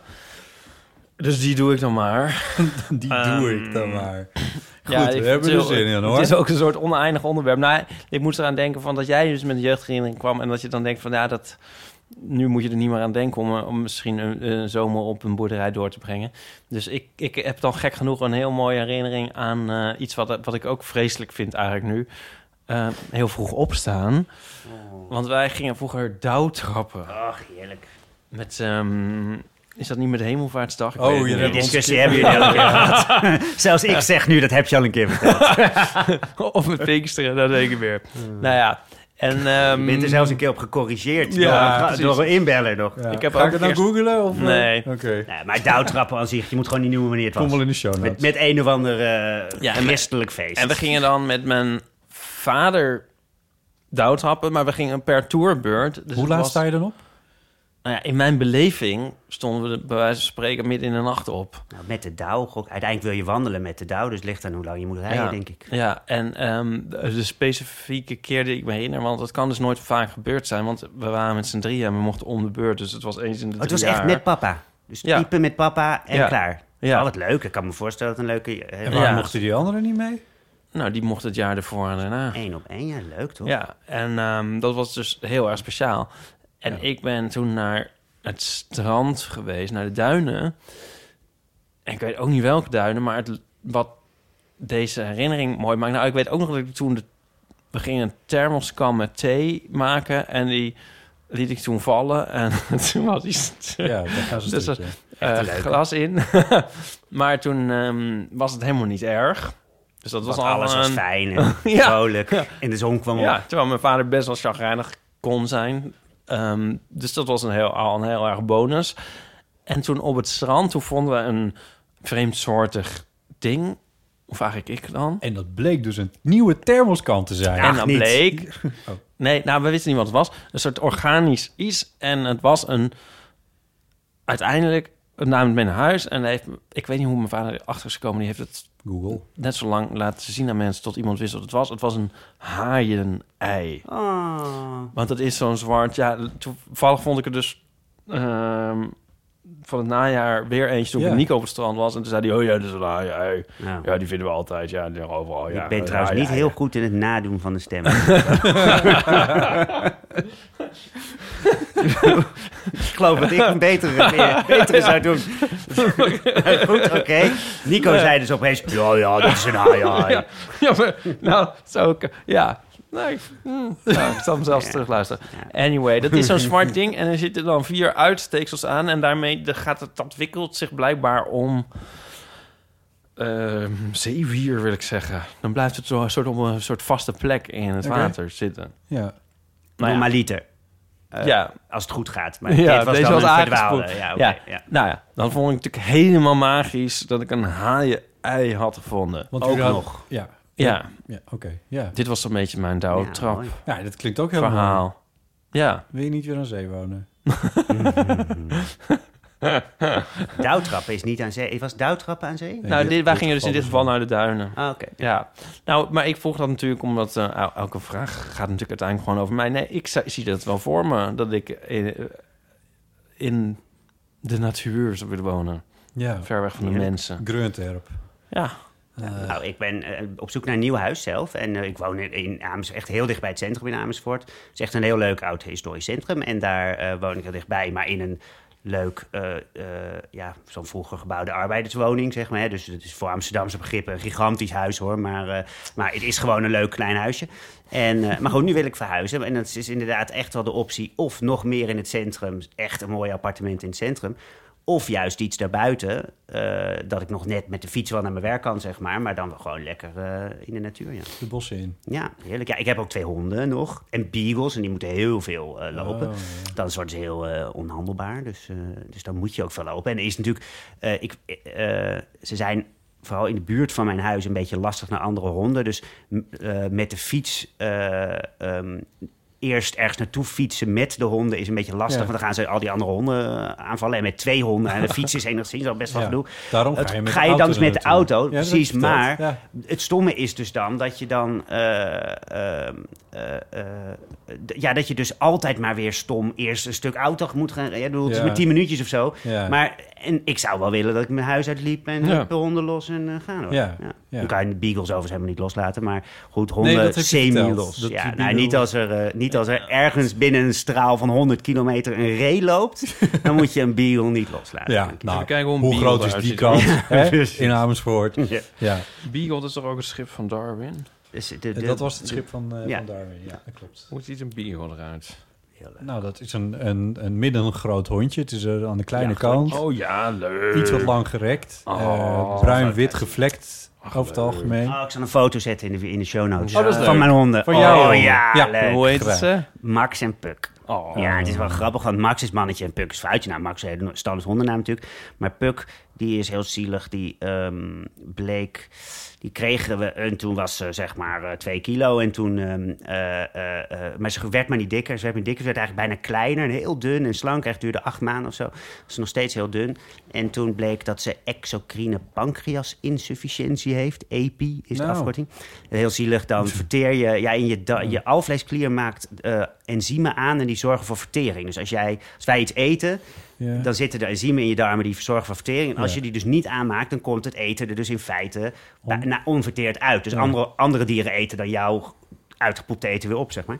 Maar eh, ja, dan word je natuurlijk niet, kom je niet aan, of dan Nee. groei je niet. Ja. Dus ze was heel klein en toen, eh, nou, toen hebben we dat ontdekt en nu heeft ze er medicatie voor. En sindsdien is ze gewoon nog wel weer wat gegroeid. Maar het is wel grappig dat ze dus Puk heet en dat ze ook echt heel is- kleiner is dan nou Oh. echt. Ik weet niet, Pieterpaf, ik weet niet of jullie dat zegt, dat is van die eh, gouden boekjes. Ja, Max en Puck, dus, ik kom me heel bekend voor van... De, nee, ze is, een Oh. Pieterpaf is een gouden boekjeserie, Ja. is er. Volgens mij had Pauline, Pauline ook een keer iets gemaakt, gedaan. Ja, ja. precies.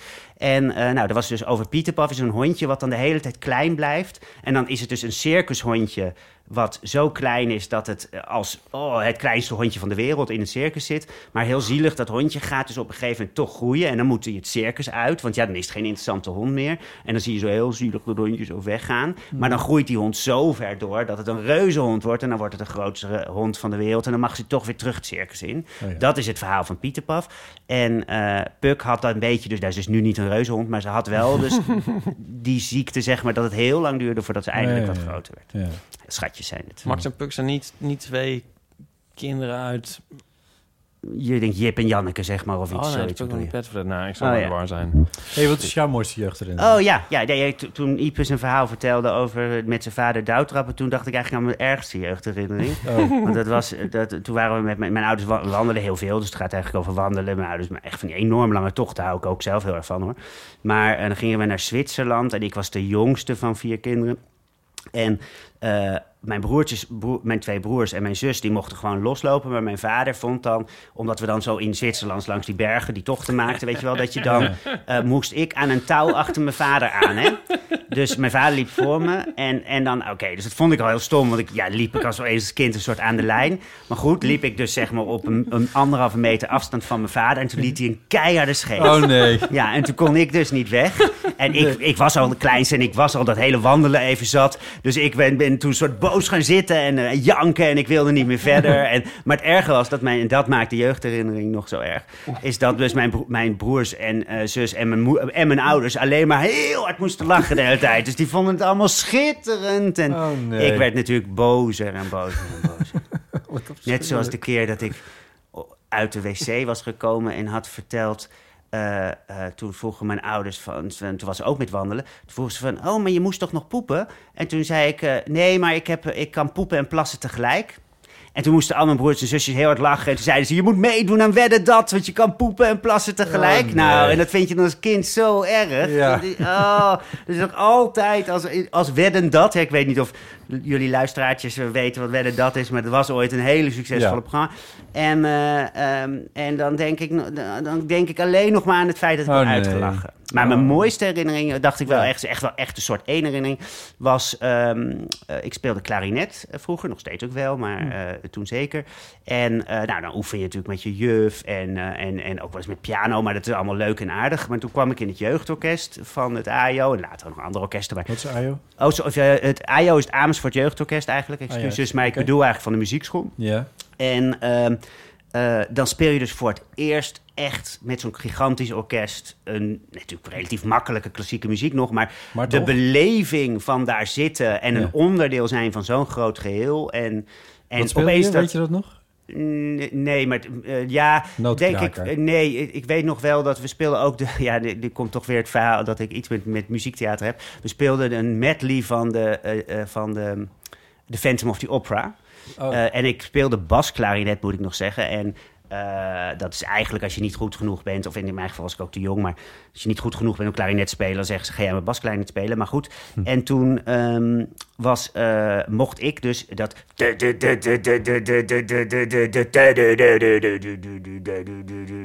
weet niet of de the Klinkt Opera meer als een eh, heavy metal concert. Nou, dat is dat stukje uit de Phantom of the Opera ook eigenlijk wel. Maar goed, dat mocht ik dus Bas Kleinert spelen. Dus het was eigenlijk de enige keer een soort solo. Ja, Ja. precies. Maar dat is iets later in. Maar de- gewoon alleen al dat eerste moment van daar zitten, je klarinetje uit hebben gepakt. En dan ben je dus vijf, zes, denk ik. En dat je dan opeens met z'n allen muziek maakt. En, en zoveel kabaal en muziek. En ja, dat, dat, dat vind ik wel Ja, fantastisch. eh, fantastisch. Vind ik nog Ja. steeds fantastisch ook. Ja, oh wat goed. Ja. Dus Nee, een- ik dirigeer ook een orkest tegenwoordig. Dus Hey. ik ben het helemaal blijven doen. Alleen ik speel dan zelf niet een Wat voor orkest? Het Miles Orchestra heet het. Ja.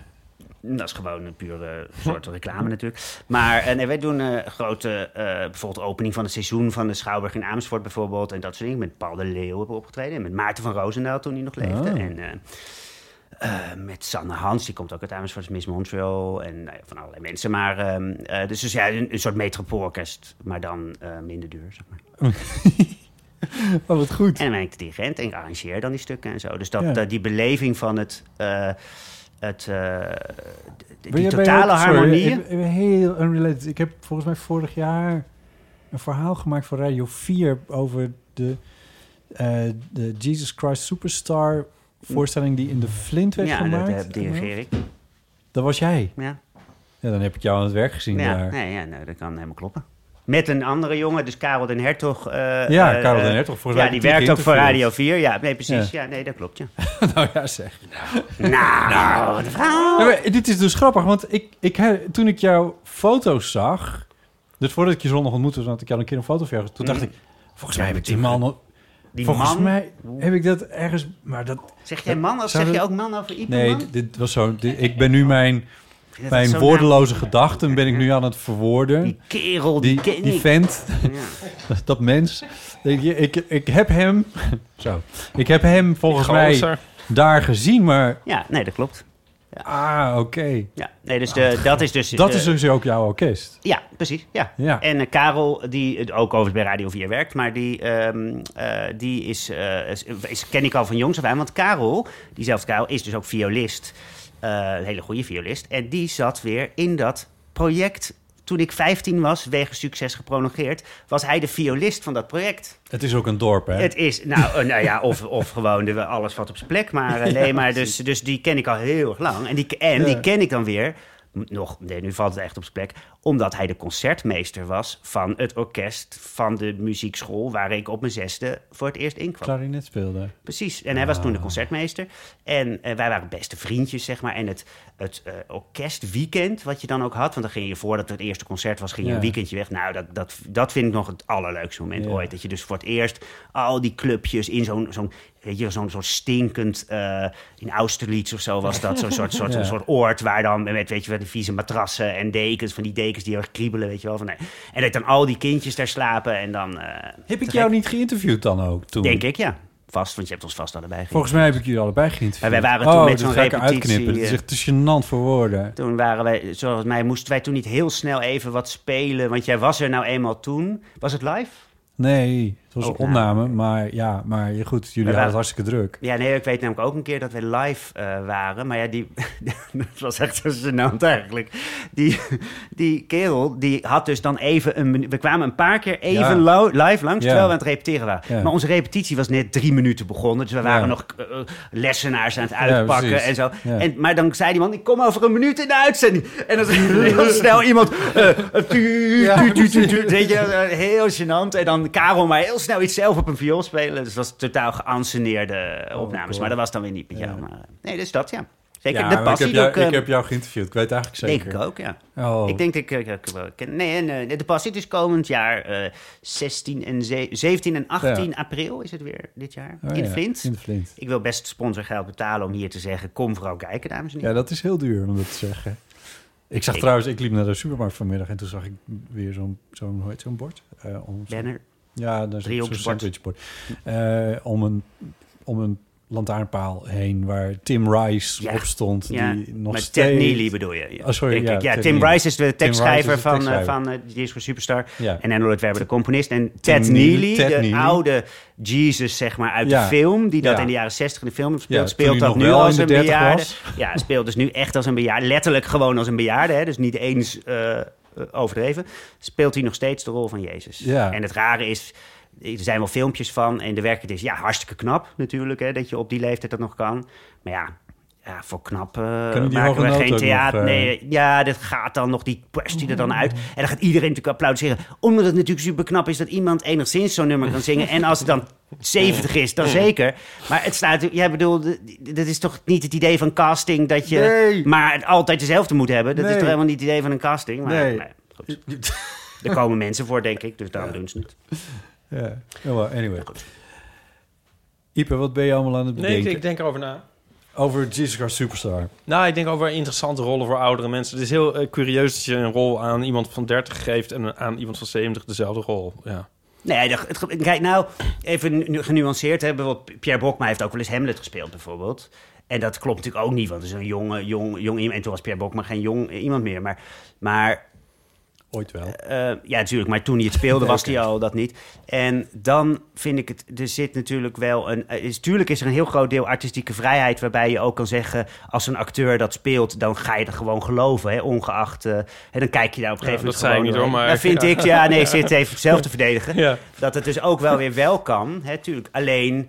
eh, het jammer is dat het dus een soort eh, dat je bezig gaat zijn met het feit dat het knap is Ja, dat hij iets nog kan zingen. Ja, en dat is natuurlijk gek. Ja. Ik bedoel, d- daar kijk je niet. Hij speelt een rol. Nee. Hij speelt niet Ted Neely natuurlijk. Nee. Nou goed.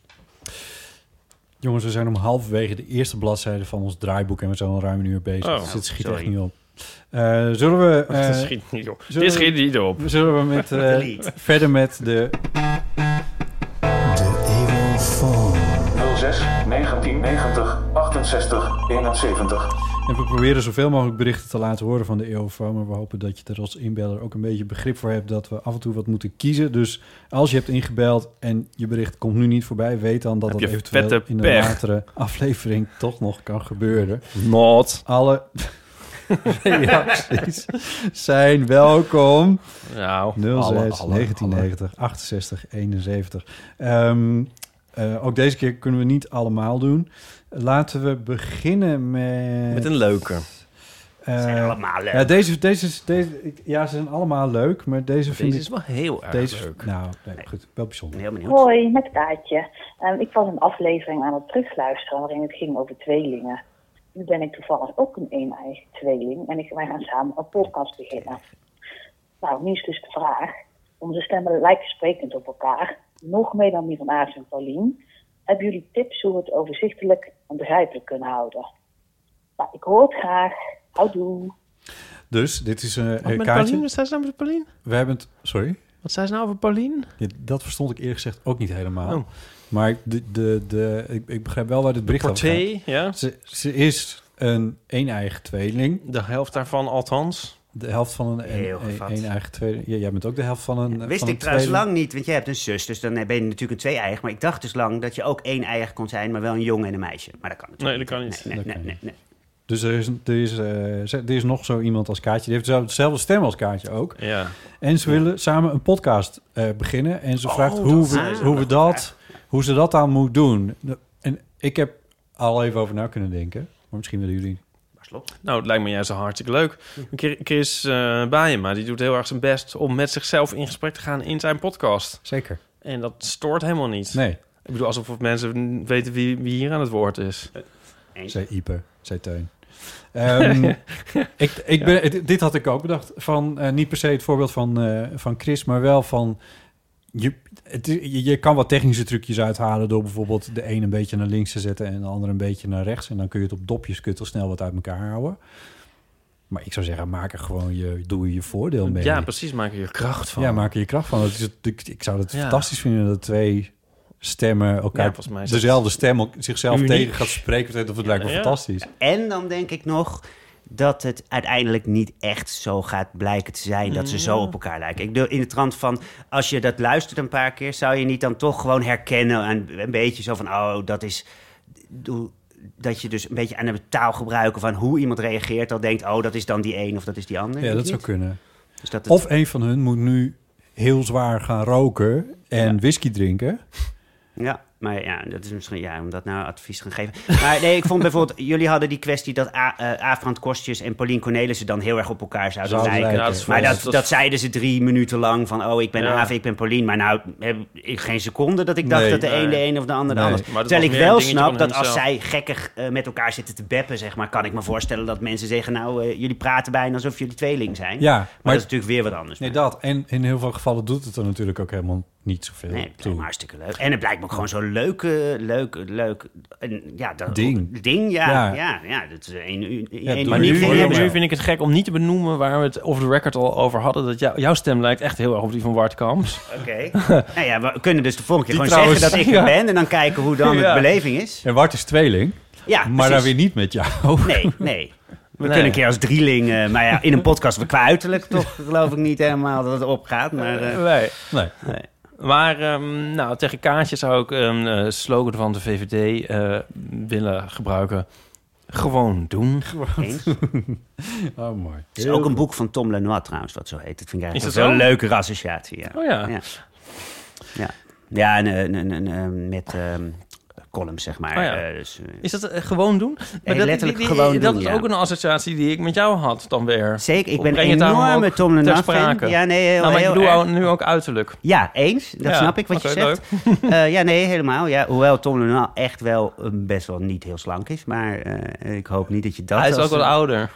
Ja, maar was die tevoren toch ook wel echt... Ik heb hem een keer... ehm, ik, ik, heb ik sta op de foto met... Dat kan ik, als ik dat nu zeg, kan hij in de, in de show notes. Ik sta op de foto met Leuk. Tom Lanois. Ik heb hem wel eens ontmoet, ja, ook. Ja, dit, is, dit zal zijn geweest... Nou, ik had lang haar. Dat zal rond eh 2007 zijn geweest. Toen vond ik hem... eh, eh, hij was niet, eh, het was niet dat hij niet door de deur kon, zou ik maar zeggen. Nee, nee, nee, nee. nee, nee, ja, Nee, ja. het is heel leuk, leuk. Ik vind het een leuk compliment hoor. Nee, ik, Aantrekkelijke eh, ik ben een enorme groot fan van Tom Lenoir. Nou, net jullie natuurlijk ook, want jij hebben natuurlijk allebei kartonnen dozen gelezen toen je 16 was. Nou, toen ik 66 was, heb ik het nog eens gelezen. Ja, ik ook. Maar nee, ja. Ik bedoel, uiteindelijk pas voor het Oh, eerst. oké. ja, nee, ik, ik had het gekregen toen van een vriend eh, die weer meedeed aan dat project. Maar die speelde dan weer cello in dat project. Dat allereerste project toen ik 13 was, 15. En eh, die heette Challing en die bleek eerst, toen was hij Ik hoop verliefd niet op... iemand in de show notes zit ook allemaal Ja, even... het hele web Ja, ja, ik ja, kan ik zelf natuurlijk wel doen. Nee, maar het erg was, eh, kort door de bocht even, die was verliefd op mij. Eh, maar dat eh, wist ik niet. Eh, maar we hadden superleuk contact, maar we hadden elkaar nog nooit ontmoet. Want alles ging nog met bellen, want het was natuurlijk geen... Oh god, het moet kort, hè? Nee. Ja. Ik kon natuurlijk niet bellen. Nou ja, oké. Samenvatting is in ieder geval dat hij mij toen het boek gaf om het duidelijk te maken. En dat ik toen heel nadrukkelijk stelde dat ik nooit op jongens zou vallen. En toen was het allemaal heel Oh. erg drama. Maar toen had ik het boek gelezen en toen snapte ik wat hij bedoelde. Tom daarna, super tof.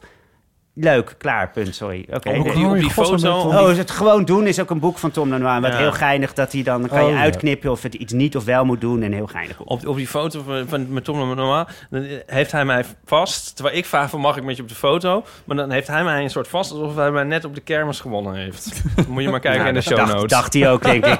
dat weet ik wel zeker. Oh, mooi. Ehm, we gaan naar eh Alentina luisteren. Hoi, Botte, Ipe en misschien ook Paulien of een andere gast. Ja, Teun. Ehm, met Alentina. En ik dacht, ik bel eens even naar de, eeuw van de, naar de eeuwfoon. Eh, met een soort levenskwestie en een soort vraag. Ehm, ik ben net eh, afgestudeerd vorig jaar als actrice ehm, aan de toneelschool. En daarvoor heb ik ehm conservatorium gedaan. Heel goed. eh, klassiek piano, dus ik ben ook eh, pianiste. En sindsdien werk ik eigenlijk, nu een half jaar. En ik vind dat heel leuk. En soms vind ik het ook ehm, heel confronterend en lastig. Want het is niet een super makkelijke branche. eh, toneel, de toneel, de theaterwereld eigenlijk eh, om je weg in te vinden.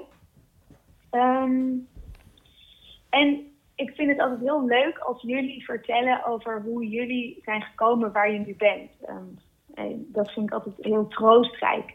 Eh, ik heb nog heel veel dagen eigenlijk dat ik verloren ben. Eh, dat, ik, dat ik bijvoorbeeld ineens een dag vrij heb. Dat, dat ken ik helemaal niet. En dat ik dan weer veel te lang uitslaap. En ook dat er die dag eigenlijk niet zoveel uit mijn handen komt. Ehm, Dat kan dus niet. Oh, nee, en ik vroeg me af, hoe, hoe deden jullie dat toen, je, toen jullie net waren afgestudeerd? En hoe is het bij jullie goed gekomen? Nou, dat vind ik nogal een bouwde stelling dat het goed is gekomen. Maar eh, hoe deden wij dat toen we net waren eh, afgestudeerd? vraagt Alentina eh, aan ons. Ehm, ik kan me wel een beetje relateren aan haar in ieder geval. Is dat bij Ik jou? begrijp het hartstikke goed. Ja, Ik, dat was de meest verschrikkelijke tijd van mijn leven. Toen je net nu, afgestudeerd ja, was. nu ook. Nee, maar dat herken- ik herken het elke dag wat ze zegt. Ja. Ja, al- dat is ook de hele kern. Dat, blij- dat blijft ook zo, toch? Ja, tuurlijk. Het is gewoon een... Allereerst zou ik willen zeggen... eh, geniet gewoon van een keer een dag uitslapen. En als je, niks, als je niet een verplichting hebt... geniet er dan ook van dat je niks te doen... even die dag niks te doen hebt. En slaap dan ook lekker uit als je dat wil. Ik bedoel, dat lijkt me helemaal... moet je in ieder geval je niet voor gaan schamen... ben je de hele dag chagrijnig. Ja, maar ik snap dat wel. Ik heb Ik heb het ook, ja, tuurlijk. Ja. Weet je, in die tijd Ja, had ik een terugkerende droom. Dat was een droom van waarin ik niet vooruit kon komen. Ja. Eh, ik weet niet of het, het, is, het schijnt een vrij algemeen ding te zijn, maar iedereen droomt dat natuurlijk op zijn eigen manier. Maar ik herinner me dat ik mezelf echt, dat ik, dat ik ergens heel graag naartoe wilde, maar dat ik, dat ik mezelf echt naar voren moest trekken, omdat Mhm. mijn benen me niet snel genoeg nog vooruit konden. En dat associeerde ik heel sterk met het moment waarop ik toen in mijn leven Ja. zat. Waar ik heel ambitieus was, vol ideeën, vol plannen van, eh, van de universiteit afkwam en, eh, en, en het werkende leven in de echte wereld eh, terecht kwam. En toen, en toen schoot het maar niet op. En dat duurde maar en dat duurde maar. En ehm, ik heb dat uiteindelijk trouwens, want dat vraagt ze, hoe heb je dat opgelost? En het was, ik heb eerst een rampzalig half jaar gehad. Dat was echt verschrikkelijk. Toen vond ik een, een soort deeltijdbaan. Maar dat was wel al bij de radio. Daar werd ik zo gelukkig van dat ik die gewoon fulltime heb ingevuld. Ik ben daar gewoon fulltime gaan werken. Dat was bij Omroep Friesland. Daar had ik een baan van, eh, wat was het, 32 uur of zo, zoiets. En ik ben daar gewoon echt fulltime aan. Gewoon omdat ik vond het gewoon te leuk om het niet te doen. Zo, dus zo heb ik dat toen. eh, Ja, nou ja, ik, ik heb dan zelf één jaartje conservatorium zang gedaan. Eh, maar toen ben ik zelf allerlei di- dingen gaan organiseren. Maar met heel veel mensen die precies haar situatie hebben. En het extra treurige voor mensen die als een acteursopleiding hebben gedaan.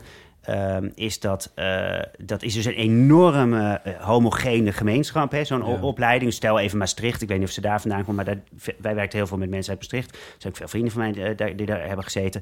En dat is super homogeen. Die, die, en die worden gedrild. Die werken 80 uur met elkaar. Die doen de leukste dingen. Hè. Dus doen wel, nou, zeg maar 20 projecten in een jaar. Klein en groot. En ze gaan met elkaar uit. En alles is leuk. En ze hebben van alles te doen.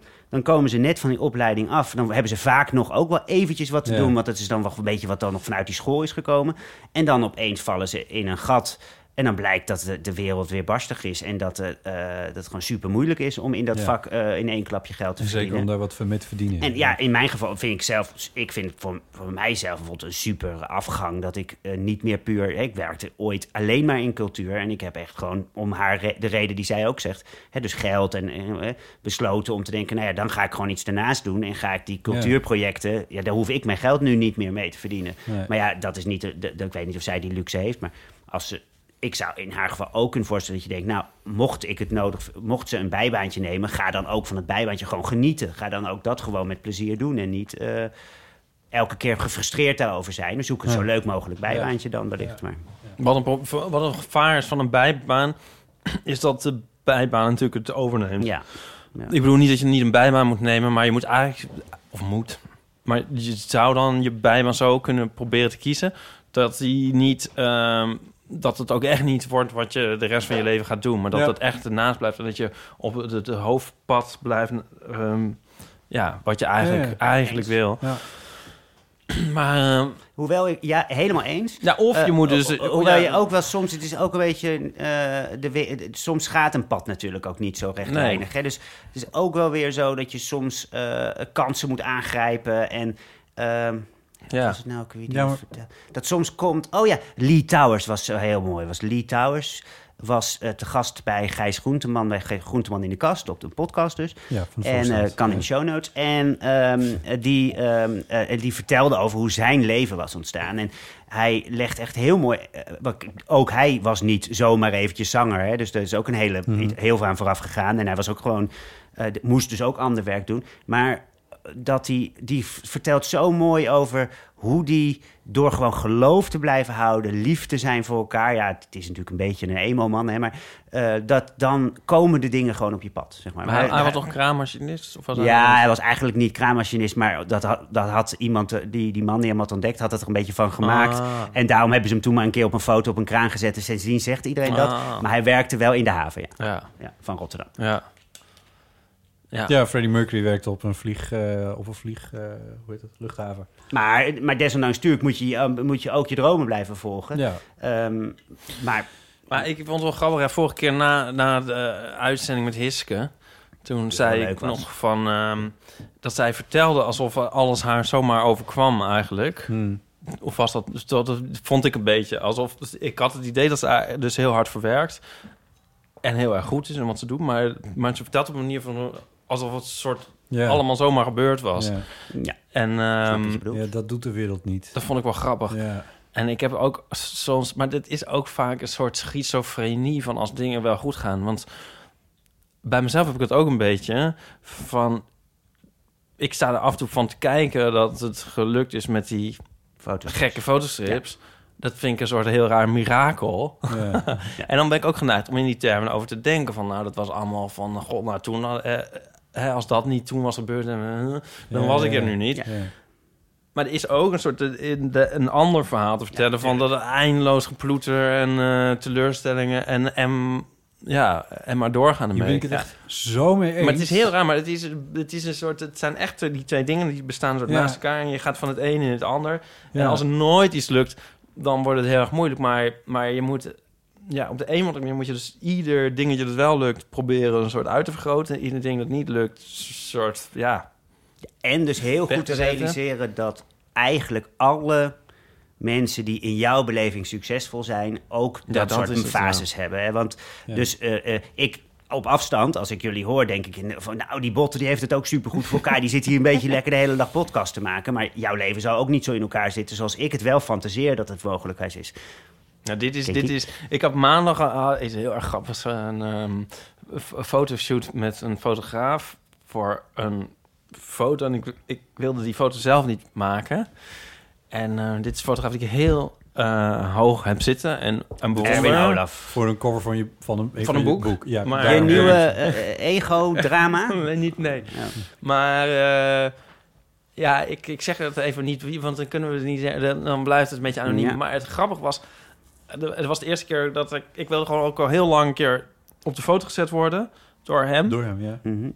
En ik ben ook benieuwd hoe iemand dan werkt en zo. Ja. Maar um, dit bleek dus ook iemand te zijn die heel onzeker is. Nou, of onzeker, maar ja. Naar maar, jou of naar... Omdat gewoon, jij ook uh, zeg maar heel... Uh, ja, om, een soort, uh, om het woord te gebruiken, een soort kwetsbaar. Ja. Zo van, uh, oh, dat vind ik wel... Nou, wat een eer. En ik vind het heel erg spannend. En, lief. Nou, je, ja, we, we, wees...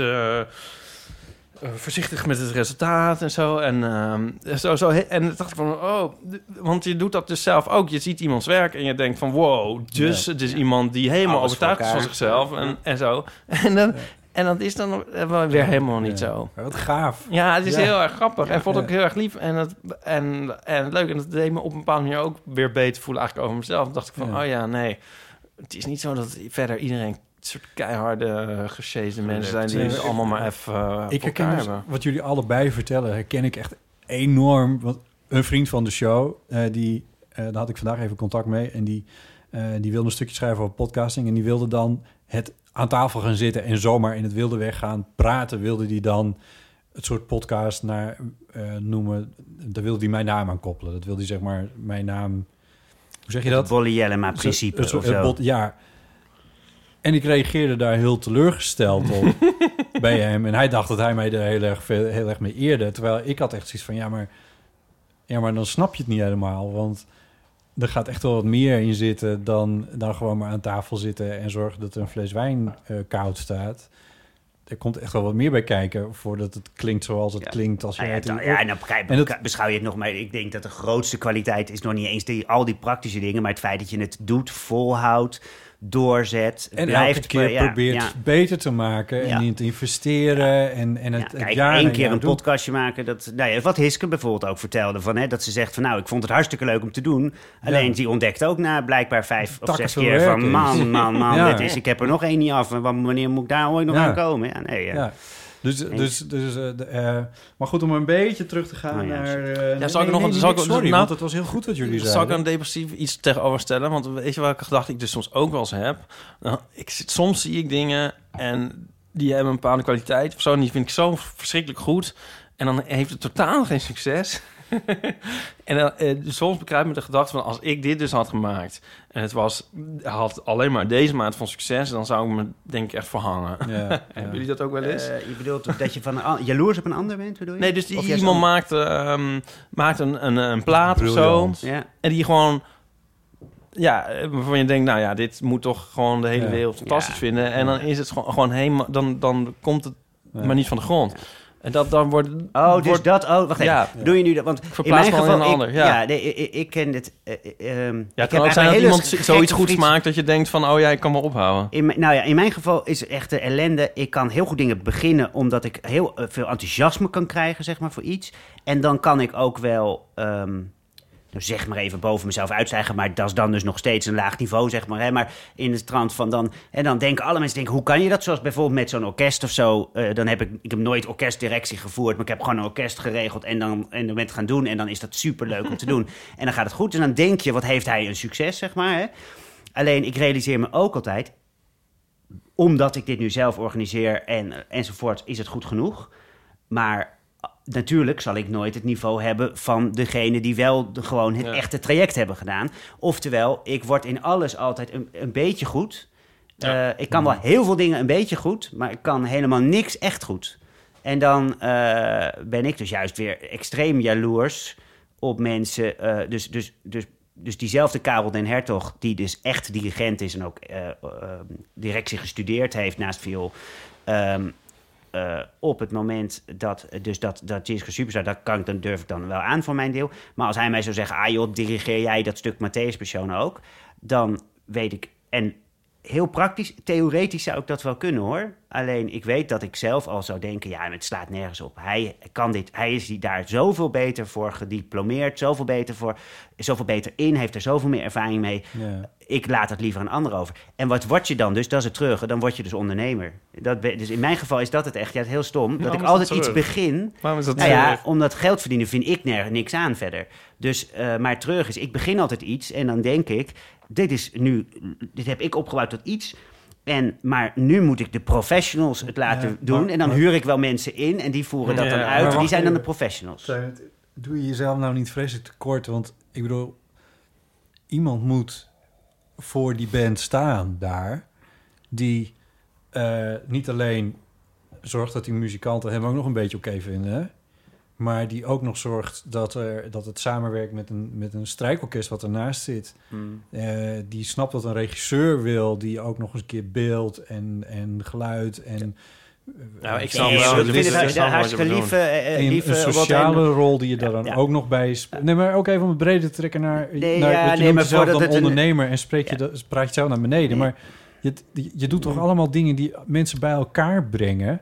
Dat is Nou toch ja, een kwaliteit? Ja, nee, nee, ja, mensen bij elkaar brengen en dus de juiste mensen uitkiezen en dan zorgen dat het goed komt wel. Maar heel plat, eh, kijk, eh, geloof me maar, als je mij dit project laat dirigeren, ben ik oké. Maar je, als, gewoon, als je een dirigentenclubje zou vragen, is hij goed genoeg? Dan ben ik niet goed genoeg. En dat vind ik helemaal, is helemaal goed. Hè? Dus vergeet, eh, de- dit bedoel ik dus niet om zielig te zijn.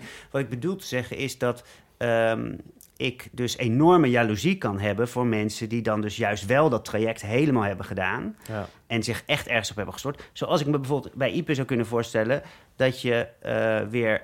eh, jij bent natuurlijk fotograaf, maar je hebt je ook weer niet als fotograaf ontwikkeld. Je bent eigenlijk fotostripmaker. En dan kan, ik, dan kan ik me dus voor. Dan, dan, en stel dat iemand een keer vraagt: zou jij de foto's van mijn huwelijk, nou ja, of iets heel tofs, de, de, de nieuwe openingsfoto van onze seizoensbrochure Van willen de maken? Ronald McDonald Dat- kalender. nou ja, ik noem maar iets, wat dan ook. Dan, en een foto, dan doe ik dus niet een fotostrip, maar Ja. een foto. Dan, dan weet ik al in mijn hoofd gewoon van ja, leuk en aardig, maar ik weet dat ik niet de beste man of the job ben. Dus dan ga ik regelen dat iemand anders dat doet. Maar, Ja. En daar ben ik dan wel trots op dat ik dat doe. Maar dan heb ik weer iets leuks in mijn leven, zeg maar, maar weer weggeschoven. Ja, ja, Maar het klopt, wel, ik ben het hier dus echt helemaal mee eens. Maar het klopt ook wat Bot zegt, dat, dat eh, juist waar, alle, waar de dingen samenkomen... En, en dat ben je dus zelf, daar zit uiteindelijk wel hetgeen... Daar, daar, dat maakt het uiteindelijk goed. Dus ik vind ook- dat ik eh, alle losse dingetjes die ik doe niet echt beheers... maar in, in die fotostrips komen de disciplines samen. En dat kan ik dan wel daar durf Ja. ik inmiddels al van te zeggen dat ik het wel... Nee, maar... Eens. Dus het is een soort... Dan moet je eigenlijk bij jezelf dan ontdekken van... eh, En maar dan, ben, dan ben ik jaloers in de, eh, op jou dat je dus iets hebt ontdekt. Dat je echt zegt, Ja. dit is mijn leidmotief voor het leven, of hoe je het Ja. wil noemen. En waar je echt eh, weet van, nou, dit, is- hier ben ik echt heel bijzonder en uniek in. Ja, maar En bij, ik- bij de ik kan van onderdelen allerlei dingen een je- beetje, maar, zeg ja, maar. maar je zou in, de, in mijn geval nog steeds kunnen denken van... ja, je kan de onderdelen nog... zou je inderdaad kunnen uitbesteden... en dan zou het misschien wel beter worden als je een fotograaf... ja, goed, maar ja, nee, maar, dan maakt- ja, maar dat is wel eens- grappig. eens dat het Ja. dan niet werkt. Ja, nee, maar, gelijk, eh, sorry. Ja, nee, maar... maar nou ja, maar... maar eh, Alentina, die zei Alentina. Dat van- klinkt ook een beetje als een soort van... eh, de uitvoering van een muziekstuk. Van dit stukje moet een beetje Alentina. Alent- Oh ja, ja, ja. Toch? Staccato, het tegenovergestelde van staccato is dan Ja. Alentina. Ja, ja, ja, mooi, ja. Zij, eh, ja. nee, die eerste jaren nadat je bent Maar voor iedereen is dat moeilijk. Ja. Het is een verschrikkelijke tijd. Ja, en ik Nou, denk of als- tijd hoeft niet eens. Maar dat aspect ervan is vreselijk. dat Nou, je nog niet geland bent. Dat, je het niet maar weet. het heeft ook te maken, denk ik, met dat je je ook... Je moet je ineens verhouden in het speelveld wat jij Teun net heel mooi uitlegde. Zeker als acteur. Je moet, ja. maar en dan moet je... Dan zie je ineens ook tegen... Of, ja, met wie je concurreert, laten we het zo zeggen dan. Honderdduizenden Eh, andere acteurs. Ja, en, en daar in dat proces is het soms ongelooflijk ingewikkeld om je, je pad even te vinden. Maar ik wil haar toch ook een beetje een soort van positief advies meegeven of zo. Want ik moet zeggen dat ik er dus... Ik, ik ben bij een regionale omroep... Ik had nationale ambities, maar ik heb een baan genomen bij een regionale omroep... omdat het me bij eh, in Hilversum in eerste instantie niet lukte. En ik heb daar ongelooflijk veel geleerd. Dat bedoelde ik dus met Lee Towers. In de trant van, geloof erin dat je soms een kans moet pakken. En soms is dat niet de, de droom die je had. Maar Ja. is het een simpelere kans of een, een klein project... of Ja. misschien iets wat niet zo goed betaalt Ja. of wat dan ook. Ja. Maar pak gewoon de dingen die Ja. je, waar, je, waar je, je gemotiveerd voor raakt. Want als mensen zien dat jij passie ergens voor hebt... en er ergens voor gaat... dan komt van het een, dat is wat Lee Ja. van zegt... komt van het een gewoon het ander. En dan, ja, dan Ja. wordt het succes uiteindelijk ooit naar je toegedragen. En je ik- moet, je moet ik niet denken dat je gelijk een. Oscar... Ik bedoel, je moet, je, je moet inderdaad eh, focussen op de, op de concrete dingen. En Ja. niet, de, de lat niet te hoog. Het is eigenlijk net als als je met sport gaat beginnen. Dat je niet Oh, dat denkt mooie. van... eh, Ja. Oh, ik wil gelijk... Meteen wil een anderhalf uur hardlopen. als, eh, Ja.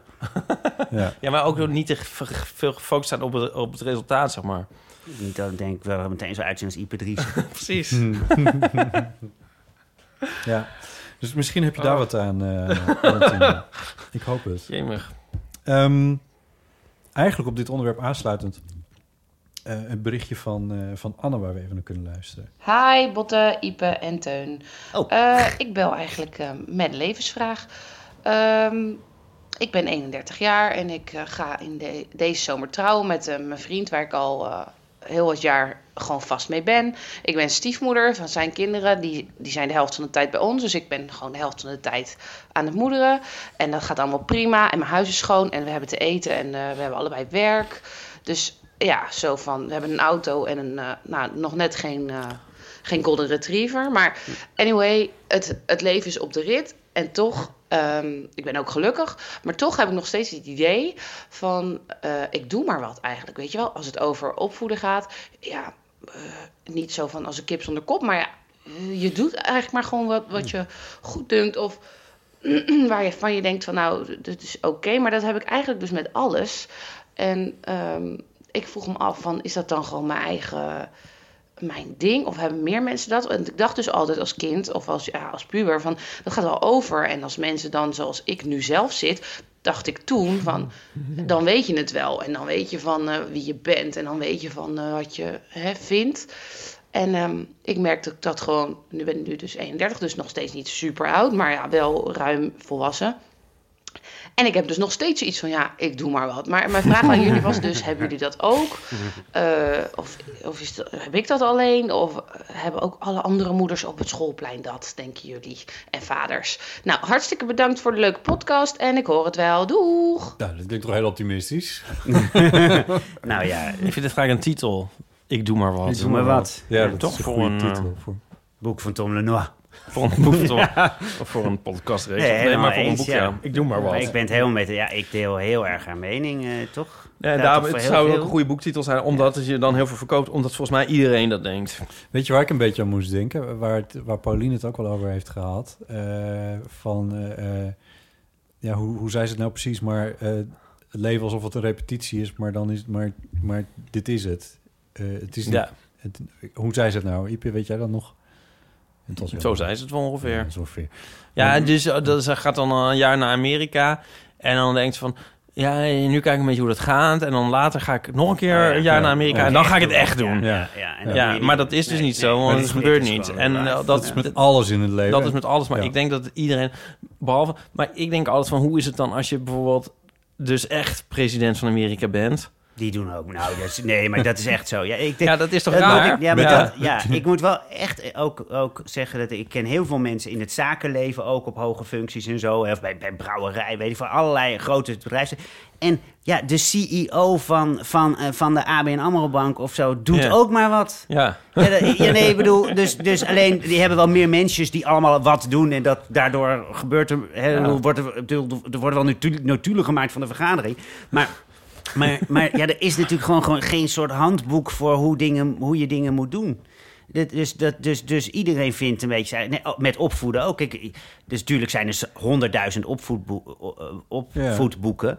Ja, maar en er is wat ik- wet en regelgeving. Nee, tuurlijk. Dus daar Maar je hebt, natuurlijk ook wel megalomane mensen die denken dat ze wel weten wat ze doen. Die zijn er Ja, wel. die zijn, ja nee, er zijn die- mensen die denken dat ze weten wat Ja, ze die doen. Dat ben ik wantrouw ik dus echt meteen. Ja, ik denk het heel vaak bij grote gebouwen. En dan denk ik van... eh, iemand is dus op het idee gekomen van... hier moet een heel groot gebouw en ik weet hoe dat moet. En dat gaan we doen. Ja, nee, Ja, bedoel, toch? ja, Dat vind ik altijd heel nee, raar. nee, Dan dat denk de ik van, ja, hoe kom die je op het idee? constructie, eh, ja, nee, oké, ja, nee, eh, maar...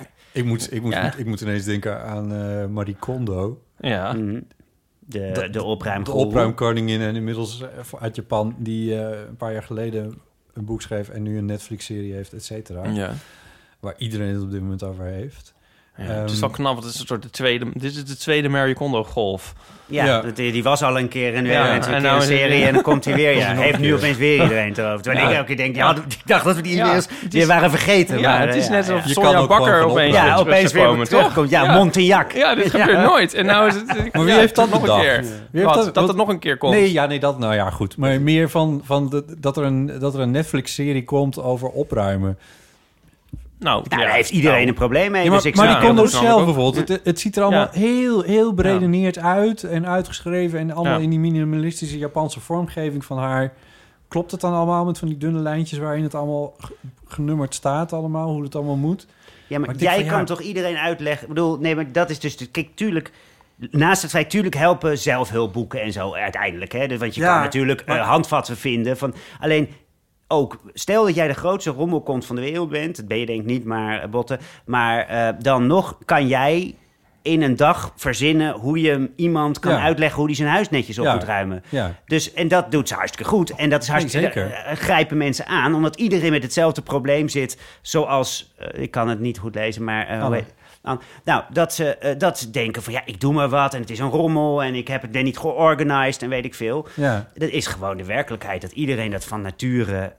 en het zijn Ja. uitzonderingen, hè. Nee, nee, Dus maar Zelfs dat onzinnige punt waar het altijd over gaat... van dat de plinten niet aangeplakt zijn... Ja, daar zou je dus ook al een zelfhulpboek over kunnen pakken. Zo Al van, die plak die plint en duizend andere tips om je leven op orde te krijgen. nou, dat, eh, ieder- omdat iedereen juist denkt... Ik doe maar wat, ik weet niet hoe het Ik- moet, vertel het mij. En vind ik trouwens, moet ik even. Ik ben dus nu in het huis van Botten, maar het is echt een prestatie hoe je hier de plint heeft gekregen. Want het is geen makkelijk huis ligt plint. los. Hij ligt Oh, echt los. nou ja, Maar ligt die plint waar je naar kijkt, al. de Hij ligt- eerste plint waar je naar nou ja. Ik misgun Marie Kondo haar succes niet, maar het is meer... Ze heeft dan die regeltjes van...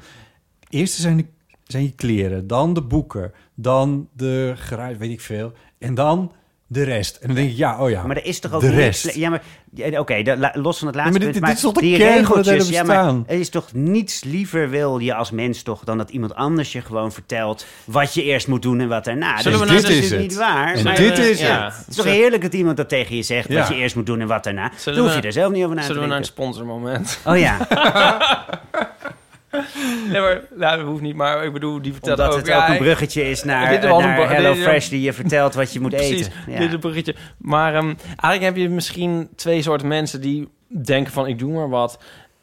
Oké, drie. Mensen die denken dat ze weten wat ze doen. En mensen die denken, ah, ik ga gewoon die mensen die denken ik doe maar wat, vertellen hoe het moet. En dan worden we vetrijk en eh, Dat is het heel een hele slimme categorie. Ja. Sonja Bakker en Ma- Mary Kondo hebben er een hele... de baas van de ING. Ja, ja, nee, er zijn wel mensen die het lukt. Ja. Maar Ja. eh, ja. Ik zou persoonlijk best wel... Ik, ja, soms koketteer ik ook wel een beetje. Wij heten ook de eeuw van de amateur met het soort van, je doe maar wat. Maar ik zou persoonlijk best wel willen transferen naar, naar de categorie meen je te weten wat je doet.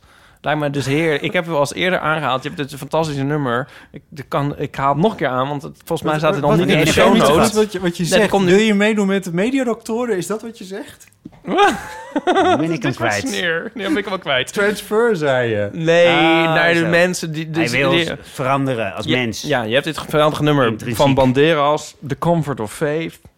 En dat gaat over mensen die zeg maar heel zeker zijn en Ah, weten ja. wat ze... En dan, Ja. eh, het- ik bedoel, zo- toch om het Ja. af en toe soms Ja, maar- eens te hebben, dat lijkt me toch wel lekker. Ja, maar dat zijn natuurlijk over het algemeen dus Vreselijke ook narcistische mensen. Ja, gekken, dat wil je. hè. Ik bedoel, eh, Ja, maar want ik ja, ben de nu- president van Amerika Ja. nu denkt dat hij weet wat hij doet. Maar goed, eh, Ja. nou, niet wie Seymour. Ja, maar Laten goed, we door niet alle religies op gekken- een- één hoop gooien. Maar Narcistische ja. gekken kunnen ook heel leuk zijn. Ja, nu heb ik een soort de boven, boven, worst of both worlds. Dat ik een soort narcistische gek ben die denkt dat hij niet weet wat hij doet.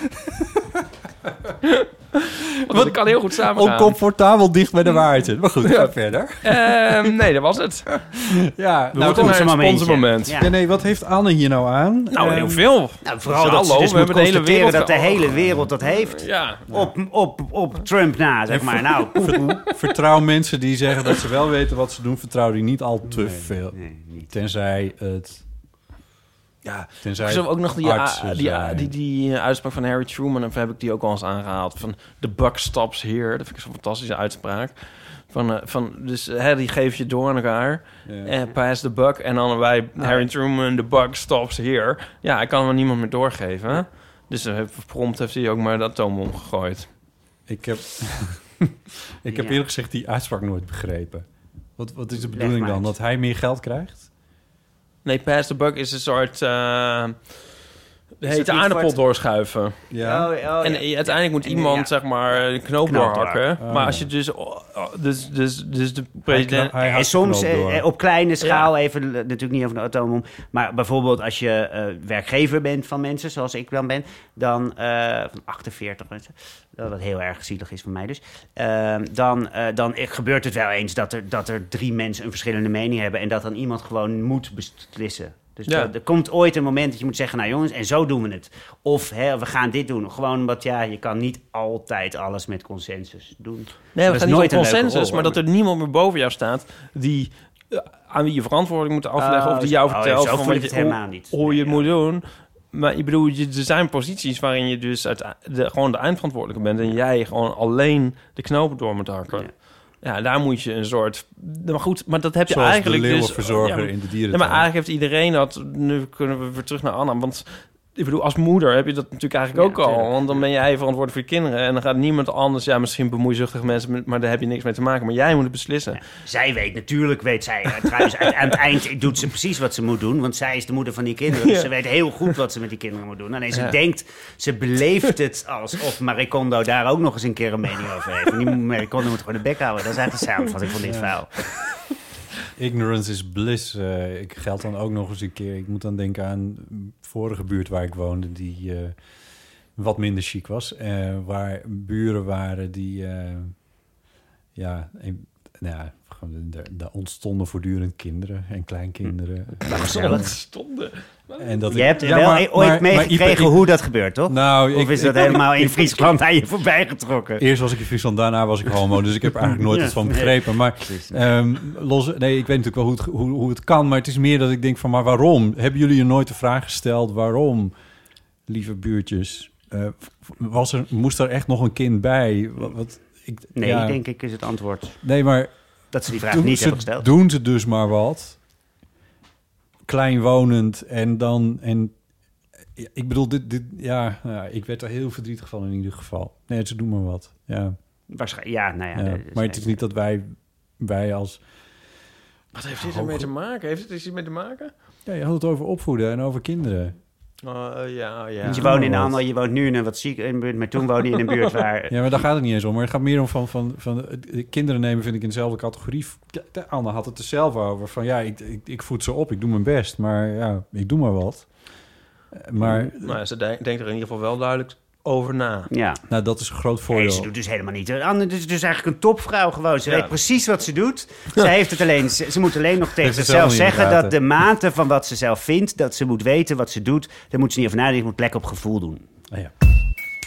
Sponsormoment. Hello. Je moest wat Fresh.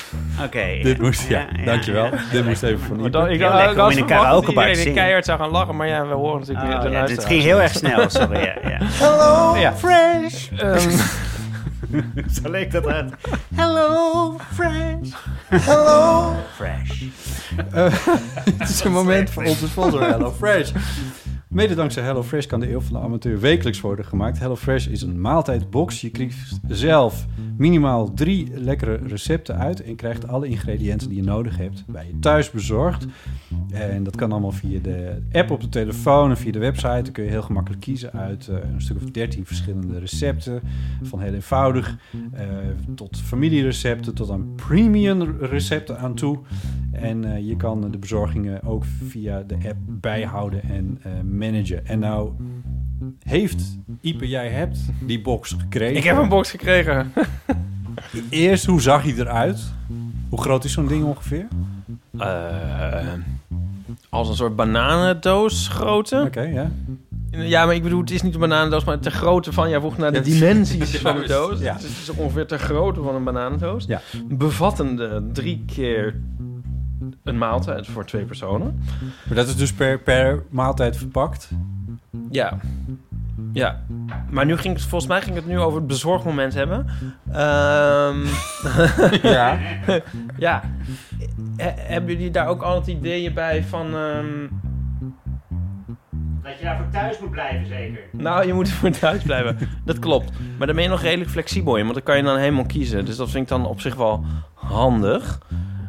Toch wel. Oh, je kan er gaan invullen van ik wil hem om 9 uur s'avonds. Nee, natuurlijk niet. Je wil hem eerder hebben, want je wil koken. Nou, je kan hem dan natuurlijk ook de volgende dag koken. Ja, oké. Ja. Nee, dus dat is wel eigenlijk wel... Dat was wel heel erg goed. Want het is gewoon heel flexibel.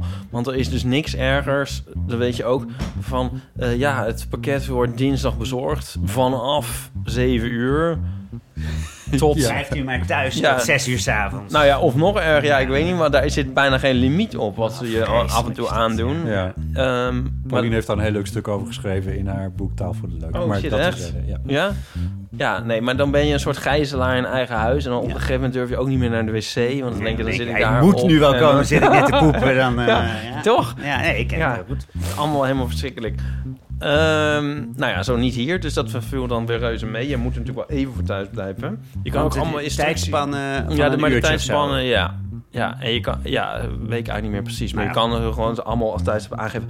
En je kan er ook nog instructies geven van... eh, als je er niet bent onverhoopt. Dat het dan bij de buurman mag, of dat het in de tuin gezet mag worden. Precies. Of- Ja, ideaal. In de zon.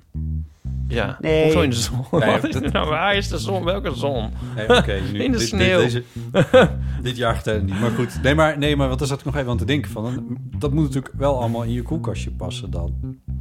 In je ijskast. Sorry, Ja. ijskast. Nou, hè? mensen Nou, hebben merk er wel dat, hier, hele dat we hier in Amsterdam zitten. Dat je dat, Ja.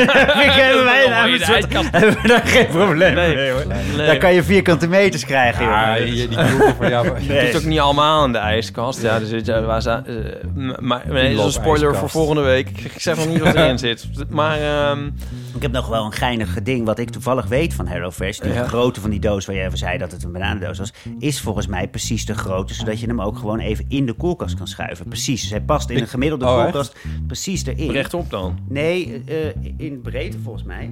Oh zo. Dacht ik in ieder geval, die heb ik een keer gehad. Zodat je, als je hem van de buurman aanneemt, dat je hem even in je koelkast kan schuiven en dan later. Oh, ja. Maar goed, Nou- het is dus niet zo dat alle, hoe dan ook is het niet zo dat alles koud hoeft te zijn natuurlijk. hè. Nee, we hadden het hier nog wel. Want ik zei nog... in en, Dat- dat en, precies. en, en, eh, en gezoete aardappel. Ik heb geen en, is dat niet hetzelfde? Ja, en wortels en, en, en tomaten. Ja. Kun je dat even testen nog- trouwens, of die doos eh, erin past? In- Ja, nee, die past niet in mijn ijskast. Nee. Maar, maar ik, ik, ik zei dus ook nog tegen Nico van ik kan hem ook even op het balkon zetten. Waarop hij zei, dan, dan, dan bevriest het. Want zo praat hij. Ah, Nee, ik heb juist ooit nog een keer Dominic gezegd dat ik. Nico echt de liefste stem ooit hebben. Ja, die Ja, moeten dat we nog een keer uitnodigen trouwens. Ik vind, echt, ik vind eh, dat eh, Nico, als, eh, wat hij zegt, hoe hij het zegt, Nico, hè, de vriend van Ipo, dus mag dit in jullie sponsormoment? Oh. Nee, die, eh, nee, ik vind allereerst gewoon qua stemklank de liefste stem alle tijden, maar, dan, eh, ehm, maar dat is niet die, nou, me vriezend. Nee, dat is niet die stem. Maar, ehm, en dan is het ook nog eens een keer zo. Nee, En dan is is ook nog heel- maar, maar het is dan daarnaast ook heel eh, eh, ehm, punctueel of heel erg bedacht of heel, ja, Ja, heel gecontroleerd. Dus geen, geen, geen poeha, maar gewoon heel erg to, to the point. Vind ik heel knap als je zo kan praten. Ik, to the point is niet helemaal mijn middle name, kan ik je zeggen. Dus ik vind het heel mooi. Nee, Nico zegt, ik ben een grote Nico Naus fan bij deze. Zeg ik dat maar.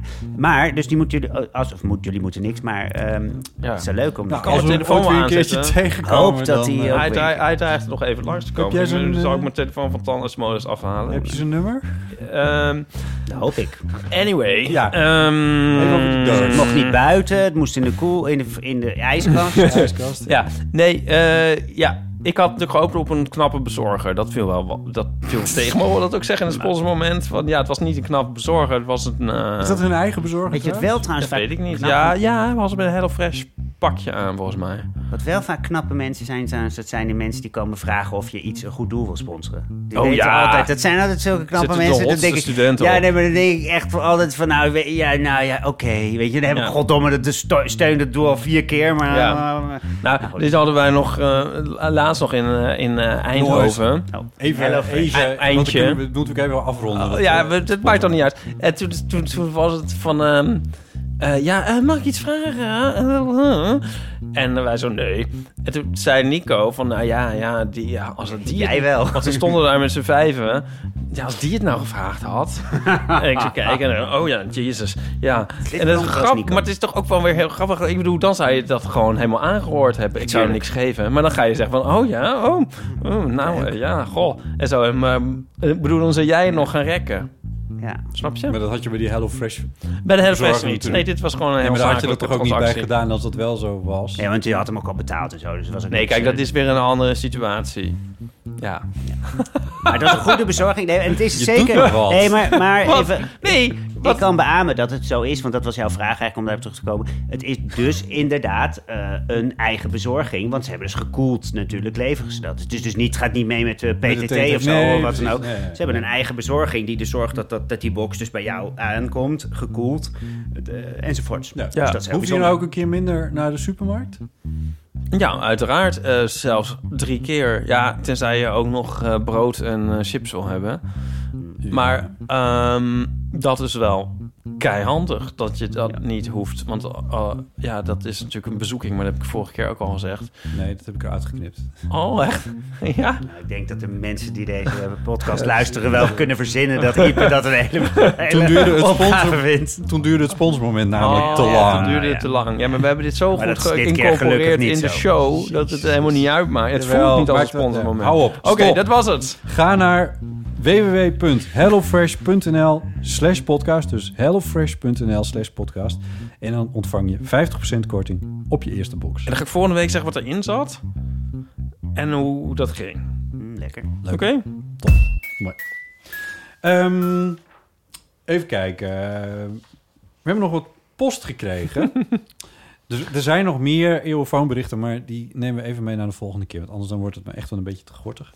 Ehm, Oh ja, we moeten zijn de wekelijks, hè? Hoe lang zijn we al? Ja, we zijn, we zijn al bijna twee uur verder. Oh Dus nee. dat, eh, nou, ja. knip het sponsormoment er maar uit. Nee, dit- Centjes. Eh, Marit van de Show Notes, die schreef ook nog en eh, die stuurde nog een levensvraag. Ze schrijft: Ik ben hoogbegaafd en alleen al dat zeggen betekent heel veel vooroordelen.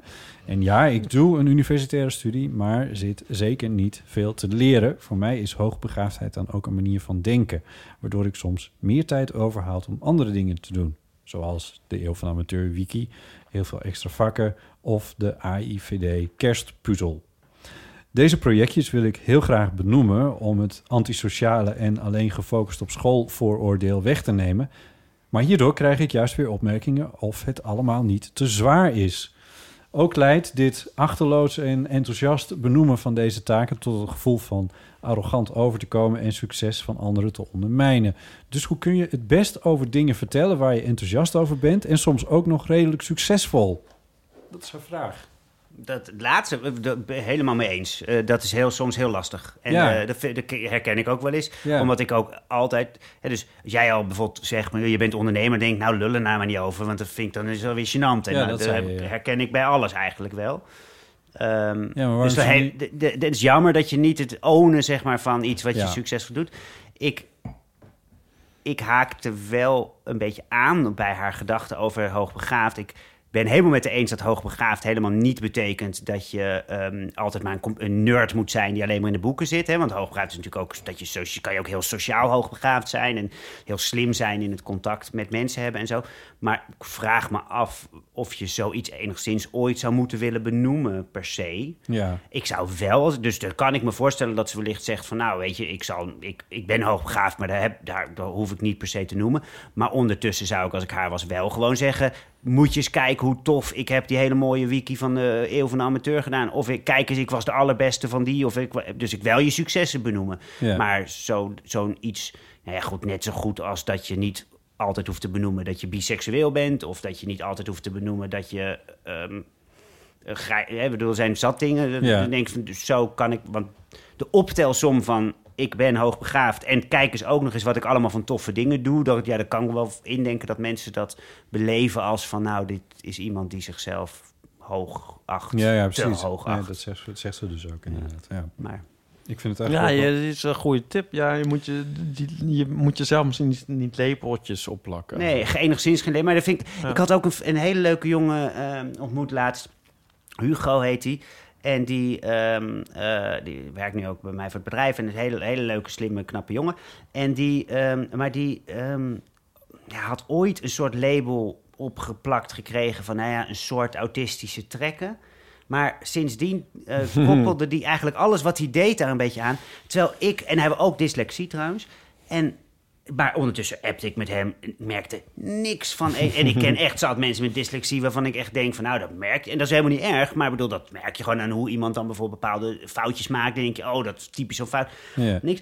En eh, ik merkte niks van, die, van die, die hele... Dat, de- dus ik heb toen ook heel erg nadruk tegen hem gezegd... Van, ja, volgens mij moet je dat gewoon ook niet meer denken, zeg maar. Hè? Nee. Dit is dan natuurlijk... Ik bedoel, hoogbegaafd is... eh, dit zijn... Maar eh, labels, even... Tot, Ja. Dus hij heeft, denk ik... dus eh, een soort labeltje opgeplakt gekregen... en daardoor koppel je allerlei dingen eraan... Terwijl het heel gezond is om te denken... joh, die labels die, die bestaan natuurlijk helemaal niet... want het is niet zoals, ziek, hè, zoals lichamelijke ziekte... gebroken been is gebroken. Dat is natuurlijk helemaal dit soort dingen niet. En als, dat je niet gaat leven naar een gedachte. Dus niet leven naar het label ik ben hoogbegaafd... maar ook Ja. niet naar het label ik ben dyslectisch. Of, en tuurlijk wel de hulp eh, die je wellicht aangeboden krijgt... dankzij zo'n label. Hè, dus je daardoor extra schooluren krijgt of zo. Als je dyslexie hebt bijvoorbeeld... dan moet je die vooral lekker benutten. Maar niet de rest van je leven denken... ik ben een dyslecticus of zo. Nee, Ja. je bent gewoon eh, eh, iemand die lekker schrijft... en nou, misschien soms een foutje maakt. Nou ja, wie doet dat niet? Nee, ja. Weet je, ik vind het mooi. Dit maakt de hele ja. ah, twee uur nog de moeite waard. dit is, eh, ja, dit is, dit is heel simpel. Ik, ik, ik vind het dus... Ik, ik moest ook een beetje denken... eh, het is ook wel opvallend dat in, in deze tijd waarin eh, er... hoe hoe zeg je dat?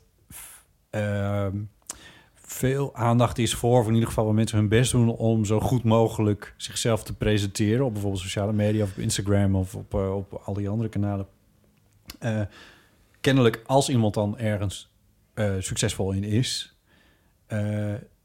zo'n persoon daar dus ook op, op wordt afgerekend. Tenminste, dat schrijft eh, Marit dan in ieder geval, dat ze daar toch het gevoel krijgt dat ze dan als arrogant en eh, Maar als me- aannemen dat het oprecht enthousiasme is hè, en, en, en dus echt van- niet komt uit kijk mij eens, ik ben de rijkste of ik heb de beste ouders of weet ik veel dat soort dingen, maar gewoon uit enthousiasme is van kijk eens, ik heb iets heel tofs gedaan, zoals bijvoorbeeld lekker bezig zijn met die eh, wiki, wat vooral eh, zij en anderen moeten blijven doen eh, de, voor jullie podcast, dan, dan als mensen daar jou dan arrogant door gaan vinden door jouw enthousiasme, Ja. ergens van, nou, dan zijn verkeerde mensen. Enthousiasme zou je altijd moeten... On, dat, bedoel, Ja. dat is gewoon toch iets geweldigs. Ja, dat is wel, Als dat is we- wel een goede... ja. Enthousiasme maakt de, maakt, maakt de wereld, zeg maar.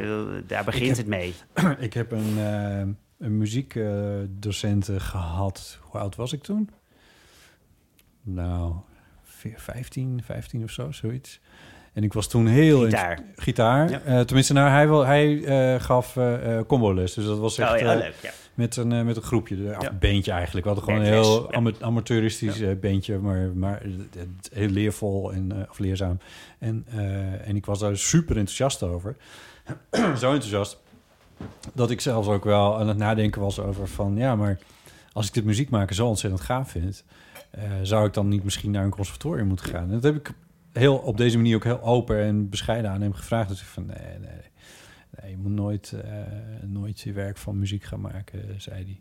En dat bedoelde hij eh, als een soort an- algemene be- be- beschouwing van hoe het leven van een muzikant is? Of hij bedoelde Nou, het voor was, rechtstreeks, dit was een rechtstreeks antwoord op een Ah, directe dat vraag die ik. Nou stelde. dat is toch een vreselijke lul ik, heb het, ik heb het altijd onthouden. Ja, vreselijk. En, Stom. en toen dacht ik van, oh, wat, wat was, het niet, was het misschien niet anders gelopen als hij had gezegd van, joh, als jij dat leuk vindt, Tuurlijk. weet je wat, vanaf nu kom je ook op dinsdag. Weet ik veel. Nou, Eh, wat ik, wat ik eh, eh, vertelde bij dat echt gebeurd gala, de juf die schooltoneel, ik, deed, eh, ik wilde heel graag op schooltoneel, maar mijn Ja. moeder die, die wilde dat niet. Die vo- vond dat gay en was, was gewoon ook bang dat ik gay was. En die dacht dat ik dan, als ik op schooltoneel ging, dan werd ik dat zeker, zeg maar. Ja. En, ja. Is ook zo trouwens. Eh, nee, daar kunnen we nog een keer een boek over schrijven. Maar, ehm, en, eh, dus ik mocht niet op schooltoneel. En, ehm, maar nu komt het leuke, dus van de, naar die, die juf. De juf Esther, dus die dat gaf, was eigenlijk een moeder van een klasgenoot. Die zag dat een heel jaar lang zat ik alleen maar de hele tijd bij dat schooltoneel mee te kijken en rolletjes over te nemen en zo. En het tweede jaar heeft zij dus, ze Ja. wist dat ik er niet op mocht, gezegd van ik heb nog een rol die ik in moet vullen en eh, oh, een, een maandje van tevoren. En ik zie maar één mogelijkheid, want alle andere leerlingen hebben al een rol dat jij die rol gaat spelen. En die heeft mij, en kunnen we dat dan niet stiekem doen? Dus die heeft me er juist bijgetrokken. Die heeft juist gedacht van hij vindt dat acteren Ja. Zo leuk, die, dat moet hij gewoon gaan doen. Fuck die moeder, zeg maar even. Hè? En, en, en, en dat zijn de leuke docenten. Dus die docent had natuurlijk tegen jou moeten zeggen, joh, dan moet je daarvoor gaan. Kijk, en natuurlijk, ja, weet je, natuurlijk wordt gelukkig niet iedereen aangenomen op een conservatorium, want dan... eh, Nee, ik zou zeggen, er zit- maar- zit genoeg veiligheidskleppen voor, voordat je dat eh, doet. Nee, heel stom. Ja, ja, een beetje stom, ja. Ehm, maar goed, dat is ook een beetje een, als, eh, als eh, antwoord op eh ehm, Mariet. Eigenlijk, en in, in aansluiting op wat jij zei van mensen die enthousiast zijn over wat je doet. Koesteren die mensen. Koester die, trek je daar vooral meer van aan dan Ja. in ieder geval de andere kant van het verhaal. Helemaal eens. Ipe, jij wou nog iets zeggen over geeky dingen in Indiana Jones. Oh. Ehm, ja, Bas. Eh, We gaan nu heel erg anders. Ehm, dit is mijn tip. Nee, wij, wij Cultuur. zijn- cultuur. wij zijn natuurlijk vrienden met ehm eh, Sydney en eh, Linda. Tante en, Linda en en Tom. oom met, Sydney. met tante Linda en oom Sydney van Geeky Dingen. En neefje Tom. Ehm, eh, maar de eh, huidige aflevering van Geeky Dingen... die is eh, wel echt fantastisch. Ja, dat is toch wel even... die moet je nu echt een keer luisteren. Het gaat over Indiana Jones officieel. Er zijn twee archeologen... ehm nou, archeologen... ehm, ja, te gast. En een van hen is Carolien van Soest. En dat is een middelbare schoolvriendin van mij. En zij, wij zaten samen in de schoolkrantredactie. En zij schreef scenario's voor stripverhalen voor mij. Eh, en dat is, nou ja, heel lang geleden. En ik heb haar al 25 jaar niet gezien. En opeens is zij het gast in Geeky Dingen. Nou, wat? toen was het ook nog eens een keer heel leuk, dus. Nou, het leuke is dat het gaat dus eigenlijk amper over... De Indiana Jones is een aanleiding om eindeloze bespiegelingen over archeologie Ja, te hebben. In eh, archeologie, Want maar ook achteraf in- blijft alles waar gebeurt in Indiana Jones. Dat blijkt allemaal helemaal historisch te kloppen. ja, precies. Ja, nee, maar het gaat, over de, het gaat ontdekt. over de archeologische praktijk. En over archeologie als, als politiek middel. En over dat soort zaken. En het toetst juist, juist heel erg Indiana Jones eh, aan de realiteit. En, maar, maar zeg maar, o- historische realiteit, maar dus ook de, de, de praktische realiteit. En dat is ja, ik, ik ben een soort van eh, oppervlakkig geïnteresseerd, zal ik maar zeggen, in de archeologie. En dan is het gewoon een feest. En eh, Ehm, Linda is nog, is, is nog steeds met medische dingetjes thuis. Maar Sydney, die, die leidt dat ook met een soort kunde waarvan ik echt genoten heb. Dus dat is echt een tip. Wat goed. Leuk. Leuk. Ja. eh, Als je ervan houdt. Dus de Geeky Dingen aflevering over Indiana, Indiana Ja. Jones... die eigenlijk niet over Indiana Jones gaat. Ja, maar ook weer wel, maar over niet. Maar ook weer niet. Ja, Erik van Deniken komt ook nog ter sprake. Heb je me ook al. Wie? Ja, niemand. Dat went well. Ehm, even kijken. Goed, nou, dan komen we bijna tot een besluit. Hè, god, hè. Oh. Schrijf vooral niks meer op iTunes. Ik zit er dat is vol. dat Nico binnenkomt. Oh, ja. Ja. Oh, nee, nee. Nee, Nico is er eh, volgende week bij... eh, Die is weer... Oh, die is live ook bij. Oh ja, mogelijk is hij erbij bij in Vondel CS. Nou, mag niks zeggen hoor. Oh, ik hoop het. Eh, nou ja, dat weet je maar nooit. Ehm, eerst, eh, dus iTunes eh, schrijft daar niks meer op. Dat heeft echt, eh, dat staat helemaal vol. Dat, eh, Vooral niet zetten, dat, vooral geen vijf sterren geven. Ben je Vooral je niet- reverse psychology aan het Ja, doen? je Want- weet het, want dit, werkt dit niet. Ja, ja. Ja, moet je de, zeg maar, de, zeg maar, de, de cynische, onder de gordel grapjes moet je zeg maar aan de overkant van de tafel neerkeilen. Ja, zal ik het even doen? Want je doet het iets te serieus. En dan denk ik echt van, oh, ah, wat vervelend. Zo zit het helemaal vol inmiddels. Oh, nee, pech. Oké. Nou, over naar het volgende punt. Ja, dit is een soort good, good cop, bad cop gone Helaas, wrong. ja, ja, ja, precies, helaas, ja. Nou, doe Maar jij goed. hem dan even, Ipe. Oké, oh, Nou, ik even. weet Moet niet je dat doen het of nou niet? kan. Nou, ik, dat doe ik nu, de andere variant. En kijken of ik dat dan wel kan. Oh, willen u please, please, alsjeblieft, alsjeblieft iets liefs schrijven op iTunes voor ons. Want dan kunnen mensen ons vinden. En dat helpt ons in de lijstjes te komen. En het is heel belangrijk. En anders dan zijn we zielig. Je zou het niet geloven, maar zegt ze Ja. maar altijd. Nou, ik snap het ook wel. Kijk, ik heb Is dit trouwens een soort podcast? Hebben jullie dat in een soort podcast-universum afgesproken met elkaar? Ja. Een soort, dat jullie in een soort Bijbel hebben vastgelegd dat jullie allemaal in een soort slome zinnetje altijd moeten zeggen in die podcast. Het is trouwens wel heel erg belangrijk dat je recensies zet op je iTunes. Want je zou het niet geloven, maar het is echt zo dat het ons heel erg veel verder helpt. om Vergeet niet hoger te liken, te subscriben de- op mijn channel. nou ja, precies. Dat is toch veel beter? Ja, allemaal. Maar de, allemaal. Dat doet ook eh, de man met de microfoon. Ook, ook, eh, allemaal zeggen ze, denk je, ook, ook echt gebeurd. Elke keer weer. Nou, denk er niet aan. Je zou het misschien niet geloven. Maar het is echt waar dat het ons helpt. Maar ik doe het zelf ook niet. Want ik was dus echt kei enthousiast over die, over die eh, geeky dingen met Indiana Jones. Ga ik dan naar iTunes en dat daar schrijven zodat het op hogere Is lijstjes komt? Nee, natuurlijk. Ik, Is er, een, Ja. is er een andere recensie? Want ik, Ik heb geen hier, iTunes. ja. dan. Heel pra- praktisch. Dus elke keer als ik dit hoor, denk ik ook, ja, leuk en aardig. Maar ik weet niet. Spotify kan ik het volgens mij niet Nee. eh, liken Nee. of iets.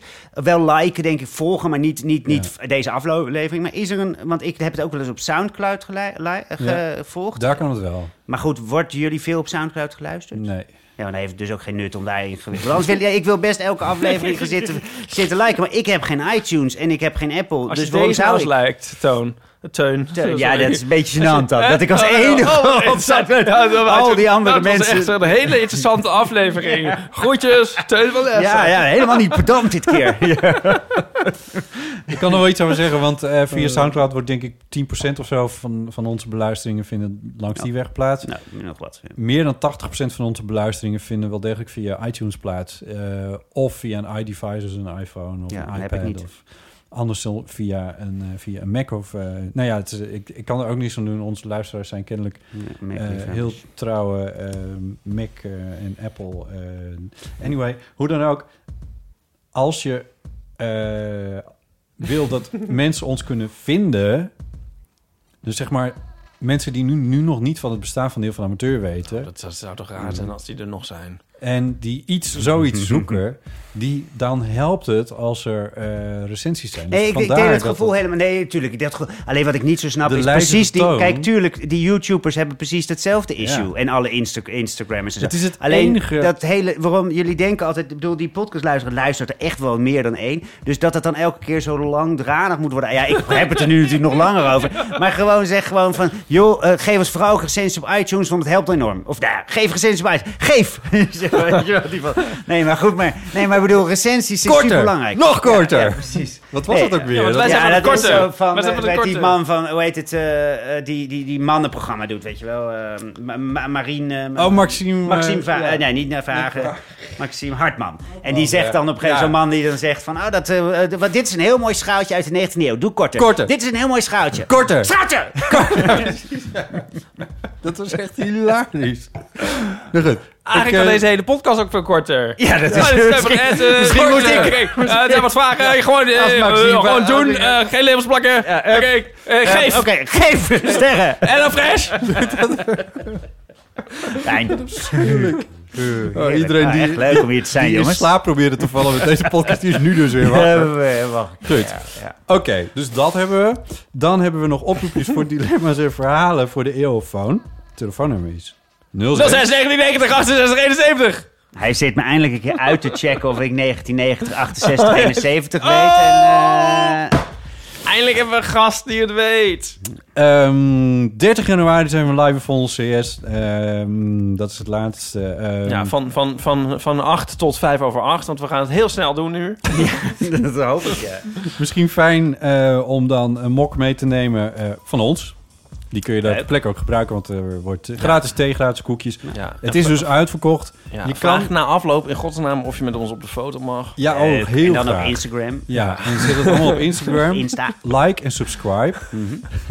En, eh, Jezus, wat een needy gebeuren. en dan... eh, Is er nog drank in huis? Ja, er is nog Ik drank heb in ook nog huis. een fles wijn mee. Jongens, we Oh. laten Ja, het ik dacht dat jij niet dronk, dus ik dacht als ik het echt niet volhoud, of niet loskom, dan kan- heb ik in ieder geval nog zelf een fles wijn. mee. Goed. Wit of rood? Wit. Oh, nou, Oh. lekker. hey, Teun. Teun, blijf achter je microfoon. Nog heel even. Oh, kijk, daar is hij. Oh, wat lekker. Ik denk als je de hele avond naar de thee zit en ik op een gegeven moment inkak, dan eh, Ik eh, wil je van harte danken voor het langskomen. hartstikke fijn. Dank voor je mooie verhalen en voor ehm, de Echt Gebeurd. Nou, die houden we in de gaten, die podcast. Dus daar verschijnt hij ook nog op. Ga je nog een keer meedoen met eh, Echt Gebeurd? Ja, ik, ik, als Paulien me nog een keer wil hebben, heel graag, maar ik hoop het. kunnen. Ja. Eh Ipe Driessen, dankjewel. Wat zeg ik dan ook alweer altijd? Fijn om hier te geweest te zijn. Nee, toch? Zeg ik dat? Nee, dat ik heb ik. vaste zin. Nou ja, eh, oké, doeg. Mazzel. Morgen. Weet ik veel. Ja, was Eh, leuk. Voor Vond wie, eh, wie een kaartje heeft weten te bemachtigen voor Vondels weer. Niet eindeloos hier de nadruk op leggen. We Volgende zijn uitverkocht. keer. Uitverkocht. En zo niet, dan horen we je eh, graag weer. Of wij horen jou niet, maar jij hoort ons. Oh, ik weet wat ik ga zeggen. Bedankt voor het luisteren. Mooi. Dag.